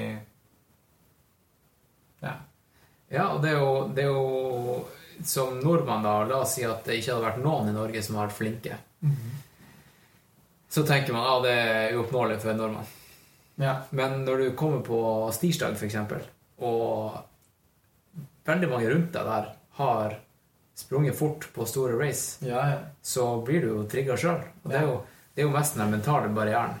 Det er veldig mange som er fysisk kapable til å prestere dritbra, mm. men de skjønner ikke at de kan stå på pallen mentalt. De har ikke brutt den barrieren. Men det er jo som du sier, når du møter en som har gjort det samme, eller som har gjort det, så åpner det opp helt, en helt ny verden. Ja. Og jo flere kjempeflinke løpere det kommer fra Norge, jo mer Altså, det blir jo en ekspo, ekspo, eksponentiell eh, økning i flink, flinke løpere. Ja, Det syns jeg er veldig kult. da. Det er dritfett. Det gjør jo også at etter hvert tenker jeg at det kommer Det kan jo komme enda flere løp, da når det ja. blir flere løpere. Så kan det være veldig mange interessante og kule løp å løpe på som man helt, ikke har i dag. En helt annen racekultur. Ja. Jeg tipper det er det som kommer til å skje. Vi kommer til å få mye færre av de her klassiske motbakkeløpene. Ja. Som er det som har vært i Norge. Av fjelløp så har det vært liksom bare Ja, vi skal opp på den haugen der, og så ferdig. ferdig. Ja. Uh, her har du Tesla, og uh, der har du en banan. Snakkes neste år. ja. Uh, jeg venter å bli mer sånn her 100 km race og ja, for jeg tenker i Norge, Nå har vi jo, nå snakket vi nettopp om denne Lofoten Ultratrail. Ja. Der har du en 100 miles, Vi snakker. Men Norge er ikke vi, har ikke vi har så mye fjell og natur. Ja. Og vi har ikke veldig mange 100 miles-løp, som er det store i f.eks. USA. da, Nei, Der de har hatt kulturen mye lenger. Så jeg tror nok vi ser det komme snart også, at man får et kanskje virkelig sånn fjell 100 mile Ikke sant? Fordi vi har jo et par i Norge. Vi har Soria Moria også. Ja. Den har vært mye bra om. Eh, men når du først som ultraløper skal springe en 100-miler, så er det kanskje for mange at det frister mer å gå ut og til, se til utlandet da. Når du først skal liksom uh, ta en jomfru Pop your, your ultra cherry. Jeg vet ikke. Hvis du skulle sprunget 100 mile første gang, hva var det du ville tenkt på? Jeg hadde jo et løp i tankene. Ja, men uh, nå har jeg det enda mer i tankene, for det er litt morsom historie. Men uh, dagen før UTMB så løp jeg opp på en topp som var 2530 meter. Ja. Eh, fra 1000 meter. Og så møtte jeg en dame på toppen som jeg begynte å snakke med. Eh, japaner. Eh, hun hadde tatt heisen opp, for til den toppen her gikk det faktisk en heis. Ja. Og hun så at jeg hadde løpt opp, at jeg var litt sliten, så hun kom i snakk med meg. Og hun skulle løpe ut en B dagen etter. Og det var tredje gangen hun løp ut en B. Ja. 100 miles ut en Ja. Og hun hadde løpt Ultra Trail Mount Fuji fire ganger. Så hun begynte å bli ganske rutinert på 100 miles-distansen. Og hun anbefalte på det varmeste det løpet for meg, da. Fordi jeg hadde tenkt på det tidligere som første 100 miler og sa jeg hadde ikke løpt så langt ennå, men eh, det virket veldig interessant, da. Og hun var bare sånn Ja, du må komme til Japan, du må løpe det løpet. Det er fantastisk organisert. Eh, eh, masse flotte mennesker. Ja, vakker natur. Så jeg tenker fortsatt litt på det, da. Ja. Det gjør jeg. Og det tenker jeg også Det er jo litt det de sier kanskje mange nordmenn når de skal løpe den distansen første gang. Så tenker jeg Klisjeen er jo liksom at distansen er et eventyr, da. Eh, at en 100-miler er som et helt liv. Så da kan man jo gjøre noe mer ut av turen rundt selve ja. løpet også. At ja. det blir en greie. Ja. Jeg ser eh, Skal vi se Jeg, jeg delte jo noe på, på uh, vår lille gruppe her i dag, og det var Jo, for det var egentlig det jeg skulle si. Uh, det der med jobben min. Ja. Uh, fordi jeg hørte på podkast. Og den podkasten jeg hørte på, det var en Rich Roll. Du hørte om Rich Roll? Ja. Hvis dere der hjemme ikke har hørt om Rich Roll, så er det en um, en Ok, her er storyen hans, da.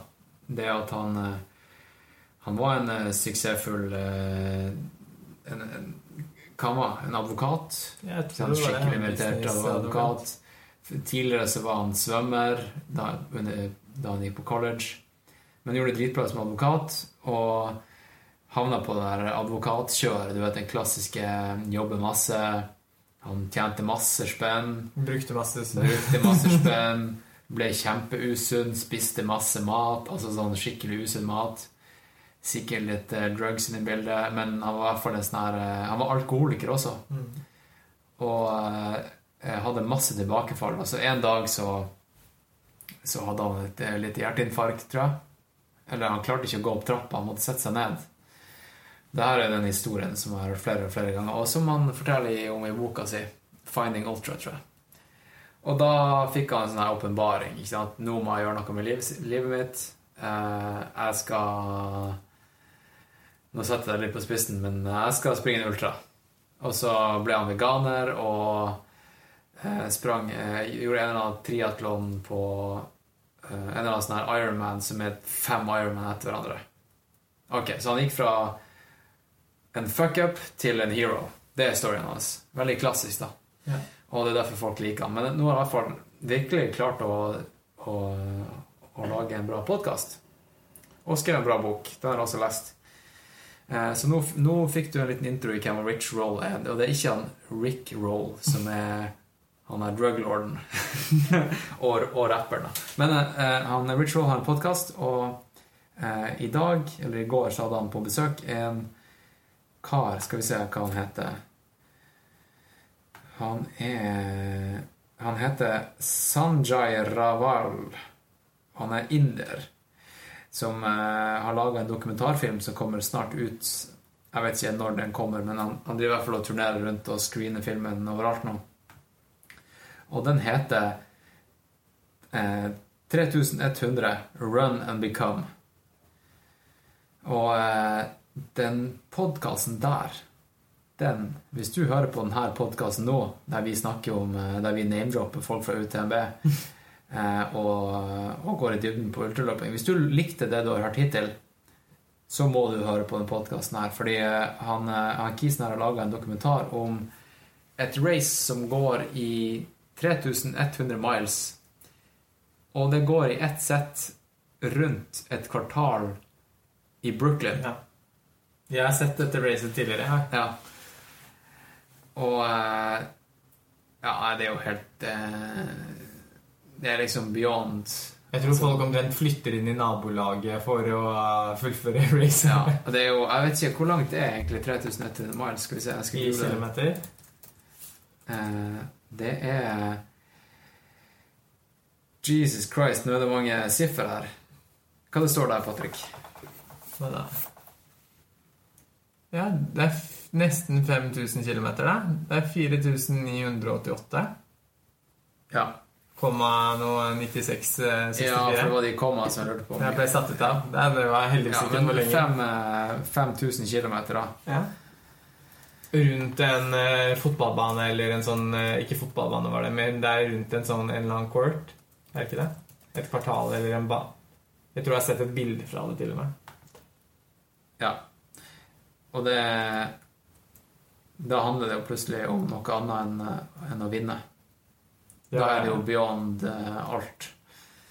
Det blir jo sikkert litt som å dra i tempel eller uh, meditere i et år eller For de bruker jo veldig lang tid. Ja, og det er jo uh, Han går veldig mye inn på det meditative aspektet også. Ja. Så jeg, jeg gidder ikke engang å prøve å gjenfortelle hele den podkasten her, men ta nå og hør den, lytter. Og det her får meg jo på Nå ser jeg at han Thomas Øderud har ja. kommentert på det her. Og eh, han har vi glemt å snakke om. Ja. For han er jo en Skyblazer som også løper UTMB. Og eh, Skal vi se her hva, hva, var det han sprang på? Vi jobber oss nedover Han jobba seg veldig bra oppover underveis i løpet. da. Vi fulgte han jo. Vi rakk akkurat ikke å få han med seg når han kom i mål. Men han kom i mål på lørdagen kvart på 12. Da hadde han løpt i 29 timer 41 sekunder Nei, 40, 29 eh, timer 41 minutter og 47 sekunder. Og han kom på 114.-plass. 114. plass er, dritbra. Han er jo også han som uh, arrangerer KRS Ultra. Han er race director der. RD, som det heter på amerikansk. Ja. han er en RD. Ja. Eh, og det er jo fett. Og han kan folk følge på Facebook. Eh, på en konto som heter 'Nå er Thomas ute og løper igjen'. det syns jeg er ganske fett gjort, fordi jeg, det som er mange ultraløpere, de poster jo veldig mye, eller løpere, som er, poster veldig mye om løpinga si. Ja. Men de har også veldig mange venner da, på Facebook, f.eks. barndomsvenner og tante og onkler som virkelig driter i om du springer rundt Mont Blanc. Ja, ja. Så da har han eh, bare tatt et eh, sidespor og laga en egen konto for alt som handler om han og løpinga si. Bare sånn at folk som bryr seg om løpinga hans De kan følge han der, mens de andre slipper å se deg? Ja. ja. Så det burde egentlig flere gjøre. Ja. Jeg, jeg synes, jeg, Ikke at jeg irriterer meg over folk som springer på Facebook, Nei. men det er vel folk som driver med andre ting på Facebook jeg kan irritere meg over. Ja. Jeg følger jo litt den eh, i forhold til Strava. Jeg løper mest på Strava. Ikke så mye av mange andre steder, men jeg løper på Strava. Ja. Ja. Hvis noen er veldig gira på løping, så kan vi løpe på Strava. Ja. Så trenger vi ikke å løpe der heller alltid, men uh... Alright, så det var shout-out til Thomas. Det er jo eh, fantastisk ja. gjort. Og jeg tror at han Vi satt og spiste lunsj, jeg og Bjørnar, dagen før UTMB, og da var han der. Og han drakk ganske mye cola. Ikke sånn altfor mye, men uh, det var sikkert også fordi vi drakk vin. Men da så jeg han fikk i seg et par cola i løpet av uh, den tiden vi satt der. Men han så, var, han, det var mens han sprang? Nei, nei, nei, det her var før. Oh, ja. Så han fylte på glykogenlagrene sine ja, ja, i forhold til all den carboloading-hysteriet som mange snakker om. Kanskje han man ikke skal spise ikke. mat, kanskje man skal spise, drikke, få i seg litt ekstra sukker fra drikke. Så man ikke føler seg så tung i kroppen og ja. Og spist en altfor stor pastamiddag. Kanskje man skal drikke kaloriene sine før løp. Fordi hva Kan du høre med Askild om det? Ja. Jeg kan ta det videre. Uh, Aid Stations i UTMB, eller hele det opplegget her, er jo veldig kjent for å ha sykt mye nice og variert uh, mat. Ja. Var det noe du så? Var du innom Aid Stations? Ja, jeg var innom, og jeg gikk jo og forsynte meg for Bjørnar. På vegne av Bjørnar. Ja. Og det var på et tidspunkt var jeg litt sulten selv, så da har jeg faktisk eh, må dessverre si at jeg har spist fra Aidstation. ja. Nei, jeg tenker det er litt greit. Men uh, det var veldig variert. Det var masse frukt. Og jeg tror det amerikanerne syntes var rart, var at det var sitron. De syntes det var rart? De syntes Det var rart. Det var en veldig europeisk greie, tror jeg de syns. Okay. Så, men jeg tror de digga den. Men uh, det var sitron. Og så er det jo Vi er jo tross alt i Sør-Europa, så det var litt spelt spekemat og ost. Ost var det vel. Så ja. det digga de. Og Bjørnar spiste også litt ost, faktisk, så han digga det. Og så var det noe lyst brød, forma bagett. Ja, selvfølgelig. Og så var det litt forskjell i hva som var varmmat, men det var som regel noe varmmat på stasjonene. Og da var det på et tidspunkt var det en sånn type ja, skikkelig sånn kraftsuppe. Ja. Med noe, og du kunne ta ris ved siden av. Så jeg tok egentlig bare mye ris for Bjørnar og helte over den krafta. Og så var det På rundt 100 km så var det en form for en pastarett eller en suppe. Og Bjørnar da, det var ikke han så fan av, egentlig. Den syntes han hadde for lite salt, og da ble han matkritiker til den her. Han ville mye heller hatt den som var tidligere. Men jeg tror generelt så var det veldig variert og bra. Og en annen ting de hadde, var at de hadde ja, De hadde et sånn utvalg av barer og andre typer snacks ja. som man kunne ta med seg videre òg. Ja. Og det er jo veldig positivt idet man kanskje går på en litt sånn smell med egen ernæringsstrategi og ikke er så gira på det man trodde man skulle spise. Så kan du finne liksom Hadde de fire-fem forskjellige typer barer og ting som ja, du kan prøve deg på, i hvert fall. da. Så jeg tror alt i alt at det var veldig bra. En ting jeg tror jeg la merke til, når det kanskje mulig jeg sier feil, som egentlig jeg syns var bra, er at jeg tror ikke de hadde en energidrikk.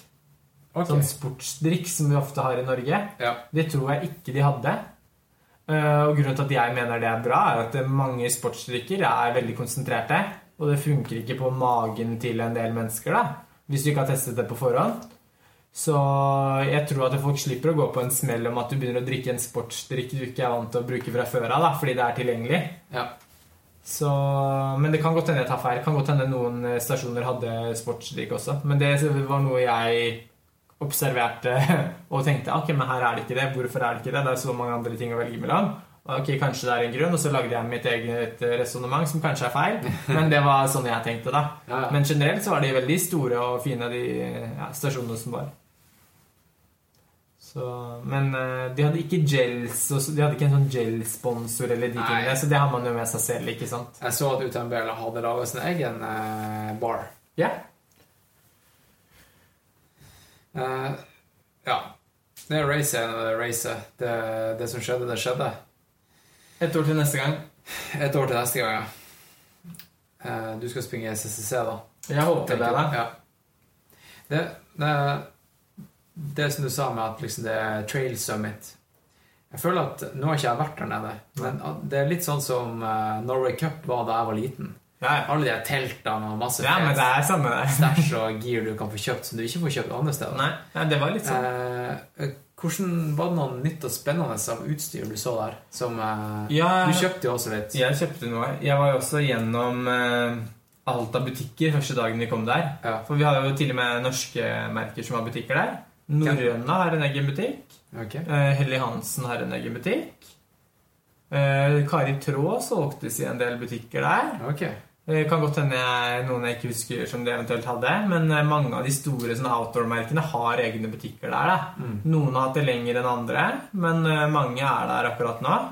Så det gjør jo at man også har lyst til å kanskje gå en tur hvis man er interessert i å se hva som faktisk er tilgjengelig. Ja. Og så tenker man også kanskje at det er mye som er tilgjengelig der som ikke er tilgjengelig andre steder. Av de vanlige sportsbutikkene som var der, så må jeg ærlig si at jeg kanskje var litt skuffa. Der føler jeg faktisk at vi i Norge kanskje, og det er vi kanskje kjent for også, å være litt opptatt av utstyr da, ja. når det kommer til klatring og andre ting og sånn også. Ja. At uh, skal du ha om topplinjen og toppnivå, så er det nesten lettere å finne det i Oslo enn det var å finne i Chamonix.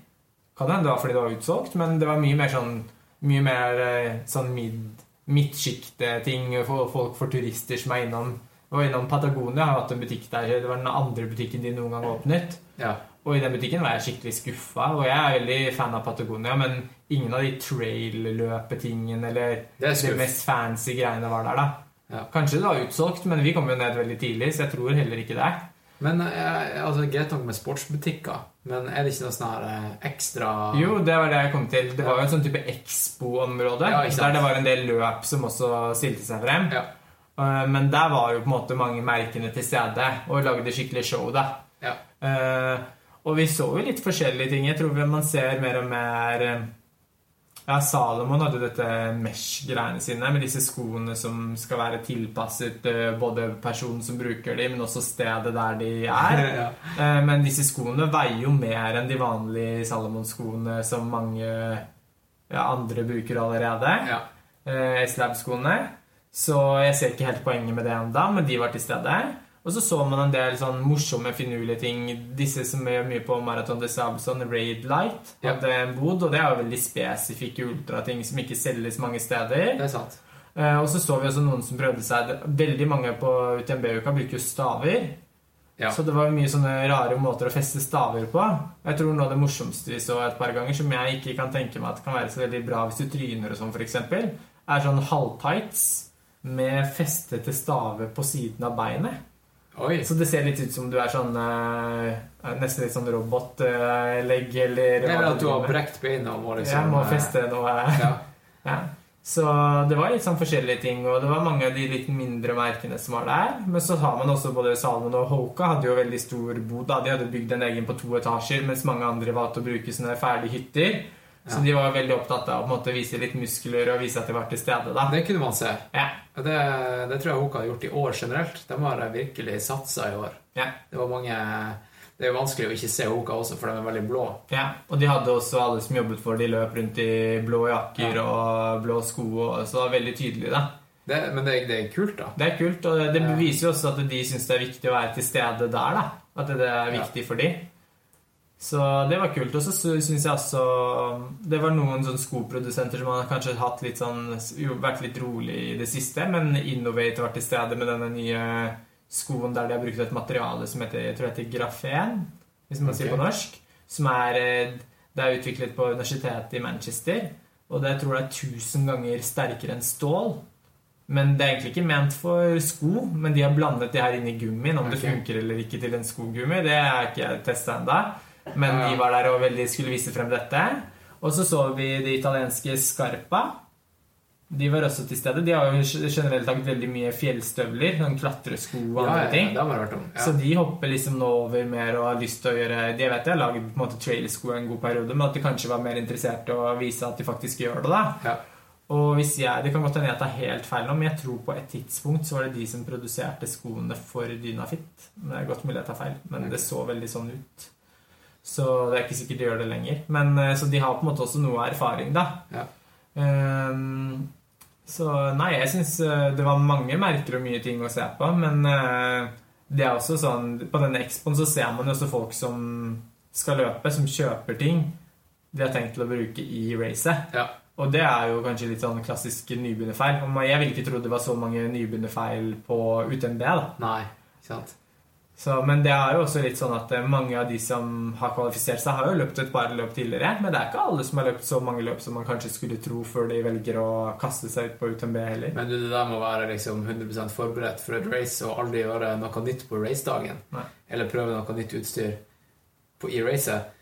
Eh, det, det, er jo sånn man sier at man ikke skal gjøre. Ja, men, men folk gjør det. til og med eliten gjør det. Ja, jeg, jeg, eh, jeg tror det var pre eh, et sånt intervju han eh, Zack Miller gjorde før, eh, før UTMB i år, der han snakka om hvor kaotisk For dem som har sett den CCC-videoen der han og de andre amerikanerne springer med Nike, yeah. så sa han de bare liksom scrappa alt sammen natta før. Og bare kasta det i sekken sin og sprang. Yeah. De, eh, de, hadde ikke peiling i det hele tatt. Så det der med å prøve ny ernæring og, og nytt utstyr bare gjør det, folkens. Eliten gjør det også. Eh, kjør på. Kanskje jeg har brukt sokkene dine før, da. Ja, eh, kan være greit. Det kan være kjekt. Eh, ja, men det var noe du eh, la merke til? Noe sånn neste års eh, er det, noe, er det noe crazy som skjer? Eh, eller er det bare samme Nei, men jeg, jeg, føler man ser litt sånn motpoler i forhold til Noen er sånn Alt skal være superlett og minst mulig. Ja. Og så er det fortsatt sånn veldig stor gruppe mennesker som er Alt er kompresjonsleggings og tights og bokser og liksom mest mulig utstyr, da. Ja. Så jeg tror man har, man har liksom to sånn type camper, da. Ja, hva folk på en måte er interessert i. Og det handler også kanskje litt om eh, hvor fort man har tenkt å løpe og andre ting, da. Det er mange som hadde veldig mye utstyr som kanskje brukte en del lengre tid også. Og da skjønner jeg at man kanskje vil ha en større sekk og ha muligheten til å ha med seg ekstra greier. Ja. Ja. Så, men jeg tror nok kanskje etter i år også at folk forstår litt mer at eh, det var ikke kjempedårlig vær under UTMB. Og det var noe, en del regn og noe storm under eh, TDS. Men jeg tror også folk begynner å skjønne at eh, det er ikke om å bare spare mest mulig vekt på det som er av mandatory gear. Nei. Det er faktisk en grunn til at når det står at du skal ha en regnjakke som er vanntett, at den faktisk er vanntett. At den har, som, ja, at den har en sånn her Hva heter det? Vannsøyle over Nei, at sømmen på glidelåsen er Teipa? Teipa, ja. Ja, det, det må, må være teipa sømmer, ja, og så kanskje har en eh, bra vannsøyle, da, eller Ja. har et, noe som ligner på, eller er likt som eventuelt Gore-Tex. ja. Fordi det er en grunn til at de ber deg om å ha det med. Det er for at det er komfortabelt for deg selv idet du er på 2500 høydemeter og det kommer en skikkelig storm. Det er ikke for at du skal eh, måtte bære for mye. Det var faktisk eh, flere som måtte bryte pga. Uh, hypothermia. Ja. Og det har jo å gjøre med at de hadde rett og slett ikke nok klær med seg. Nei. Så, og, så ble de også pålagt å ha med seg sånn her ekstra kit i år. Sånn her eh, kuldekit. For det var meldt eh, kjempekaldt på toppene. Ja. Så det er ikke noe tull der. Nei, jeg tror under UTMB Ja. så sa de at eh, med vinden, så klart, ja, så ble det effektive minus 10 på natta. Shit. Ja. På Og det da- verste, da. Ja, jeg så jo på livesendinga og kommentarene Det var faktisk veldig mye snakk om utstyr mens de sprang. Ja. Eh, fordi de som kommenterte, var tydeligvis utstyrsfreaks. Og uh, de sa sånn her Jeg har aldri sett han Kilian springe med bukse eller uh, longsleeve. Uh, eh, og eh, han der, han der eh, Var det Romania han var fra? Er han som kom Tre- på andreplass. Andreplass, ja. Ja. Han Han løp med bukse helt inn i mål, Han boks med, eh, løp med bukse hele veien. Ja. Så Han kom seg til mål, han. Han kom seg til mål, ja. Han, han bor oppe i en liten eh, Nei, det var ikke han, det. Bare glem det. Jo, han er eh, Hans livssituasjon er at han jobber i militæret, han også. Men eh, han er ansvarlig for sport. Ja, det var jo kjekt jobb. Han sa i et intervju ja, det er veldig relevant. Ja. Han, er- han er ikke så mye ute i, i felten. Han, eh, han sørger for at det blir sport. det er bra. Det er den jobben jeg ha, Ja, det Hvis, eh, hvis eh, Forsvaret i Norge har noen sånn stilling, så vil jeg også gjerne ha ansvar for sport. Bare ringe. Bare ring meg. Uh, du vet hvor du finner meg. Det er bra. Uh, skal vi se Er, er det noen andre ting du uh, vil kanskje dele derfra? Eller begynner vi å runde av litt? Jeg tror vi kanskje begynner å runde av, men jeg tror også det som er gøy å se Jeg var litt inne på det at det er veldig mange nasjoner som løper nå.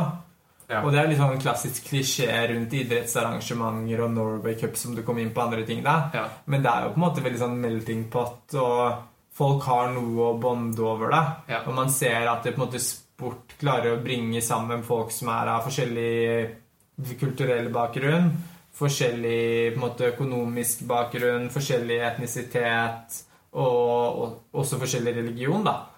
Og det syns jeg er fascinerende å se, liksom. Det var også en del folk eh, ja, langt fra regioner som ikke har vært der tidligere, da. Ja. Så man ser at sporten på en måte er en utvikling og vokser som gjør at eh, noen syns det er mye som er negativt med vekst, men det er også en um, god del av det som er inkluderende. da. Mm. Og jeg syns det er fascinerende å se at det er mennesker i alle aldre som løper også. Ja.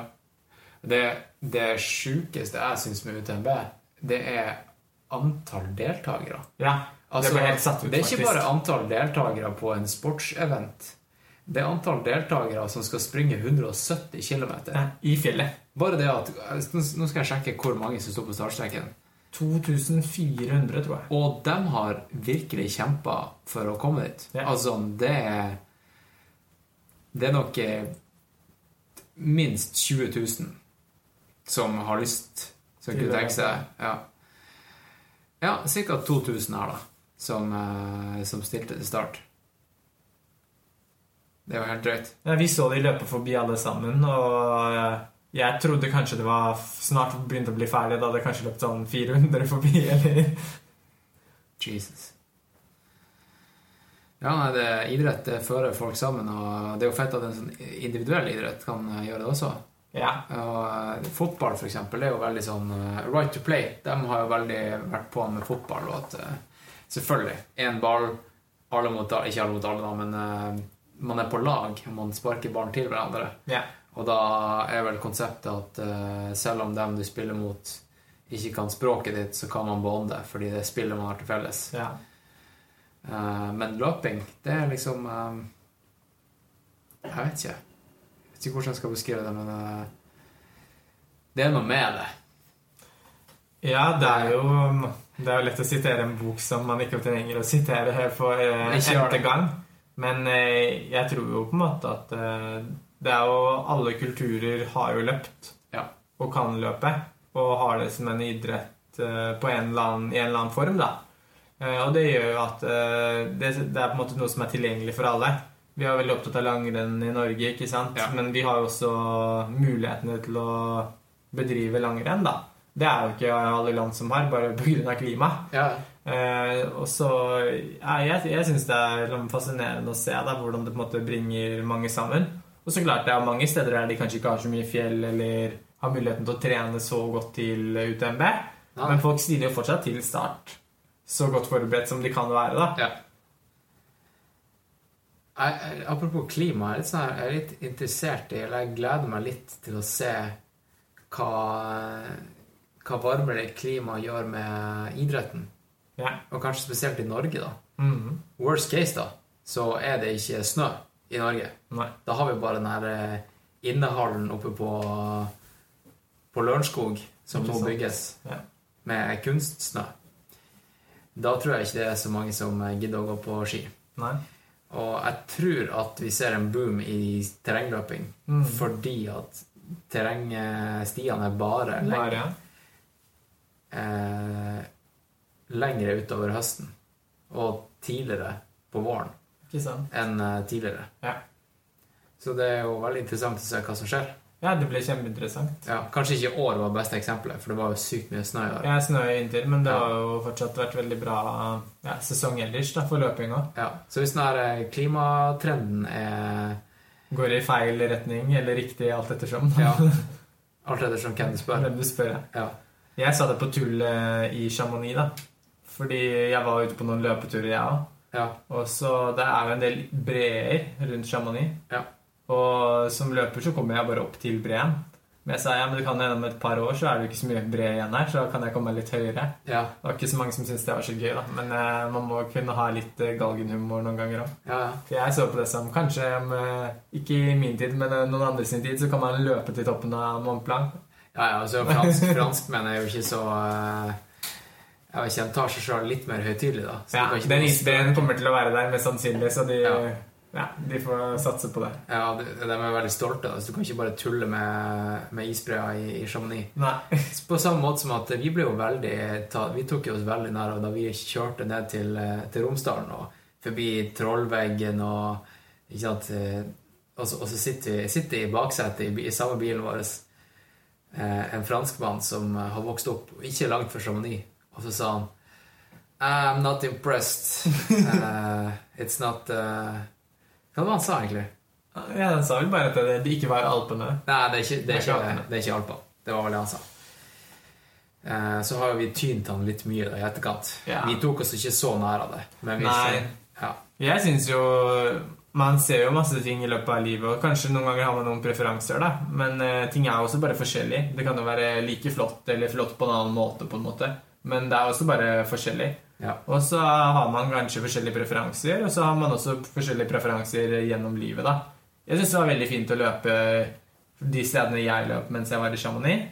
Men det var også steder der jeg tenkte, før jeg fant de stiene som var mer løpbare, tenkte at det er veldig gøy at det går rett opp og rett ned, men det hadde jo vært fint å løpe litt sånn eh, Ja, ha litt fart noen ganger òg. ja. Skal vi bare avslutte? Skal vi bare sette vi. strek der? Ja. Eh, nå er det jo eh, er Klokka er ti. Tida går fort. Hvor lenge har vi snakka? Vi har snakka i eh, Vi har snakka i en og en halv time. Det er artig hvordan den interne klokka bare sier eh, ja. en og en halv time. Nå var det bra. Ja. Ehm, da tror jeg at vi bare avslutter her, og så skal vi Nå tror jeg vi skal spille inn en liten intro til denne episoden. Der vi bare oppsummerer hva vi har snakka om, og gi en liten shout-out til Patrion supporters, og en liten sponsor eh, som heter Melbu Kaviar. Så uh, det skal vi gjøre nå. Og så, uh, hvem vet Jo, vi må ta bilde, sånn at vi har bevist at vi har tatt den praten her. Og sånn at mine Patreon-supporters kan få litt behind the scenes-footage. Eh, Fordi du aner ikke hvor crazy det ser ut her i leiligheten nå. Du kan prøve å beskrive det. Nå, nå er, det som er greia nå, er at jeg har rigga til samme greia som, eh, som jeg gjorde da han Askild var her. Jeg har et sånt trille, trillestativ, og over det så har jeg Eller det er egentlig litt sånn lettvegg. Gitter med hjul på. Og så har jeg en svær eh, sovepose som henger over som man bruker som litt sånn lydisolering. Eh, og så På bordet her så er det vel to tomme kopper med te, og så en eh, liten kopp med oliven. Så det er ikke så crazy her, egentlig. Men eh, det er i hvert fall fett det, for deg som lytter å kunne sette litt sånn visuell kontekst til eh, hvordan det så ut da vi prata om UTMB. Rett og slett. Rett og slett. Uh, ja. Uh, nå skal vi ta et bilde. Så snakkes vi, da. Uh, over og ut, Roger og Knut.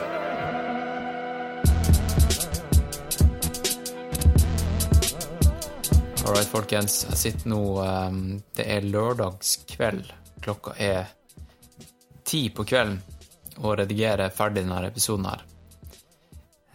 og grunnen til at jeg sier det, er at um, det har jo skjedd litt saker og ting i ultraverden etter at jeg og Patrick snakka om UTMB, så jeg kan jo ta med litt, uh, litt, nyheter. Og det er jo det at uh, hun Molly, som uh, du kanskje har møtt på stirsdag Hun Skal vi se, hun etternavnet hennes er litt sånn crazy. Det er Basilchuk. Molly Basilchuk. hun sprang i mål og vant hele driten på um, Ultrator eh, Monterosa 100 km i dag. Førsteplass på damesida og tredje overall, så det er jo helt crazy. Grattis og shout-out til ho Molly. Eh, og så har det vært eh, 100 km VM i helga på, eh, på asfalt, og der har han Didrik Hermansen som du kanskje hørte i jeg tror det var episode to. Eh, løpende smalltalk med Didrik Hermansen. Han sprang inn til 15.-plass i VM der, som eh, gikk av stabelen i Kroatia, hvis jeg ikke tar helt feil. Der ble han faktisk slått av eh, to svensker også, så det Det er jo litt Det må jo svi litt, Didrik. Ikke sant? Uansett, veldig imponerende. Skal vi se her, han sprang inn på tida eh, Skal vi se her Syv timer og tolv sekunder på 100 km. Jeg tror den løypa var på 3000 høydemeter også, så det er jo sykt imponerende. Og vinnertida var faktisk på 6 timer og 28 minutter og 5 sekunder, og det var en japaner som heter eh, Hideaki Yamauchi. Så um, ja, grattis til han, da. Og så kan jeg jo si det at mens jeg nå spiller inn det her, så er det et race på gang rundt Lake Tahoe. Og det er 200 miles. Eh, og det er ikke ferdig. Skal vi se her det siste jeg så, så var faktisk en Instagram-update fra hun um, Courtney DeWalter, som vant Western States i år, og hun hadde litt magetrøbbel. Eh, jeg tror hun hadde spist litt eh, fajitas eller et eller annet som var litt dårlig. Men hun, eh, etter litt etter litt oppkast og litt endring i kostholdet underveis, så tror jeg hun, hun er på, på, vei til å gjøre det springe opp til, til å vinne hele driten igjen. Så det her er jo kjempespennende. Ja. Da gjenstår det bare å si eh, over og ut, Roger og Knut, og så snakkes vi neste gang, folkens. Ha det bra.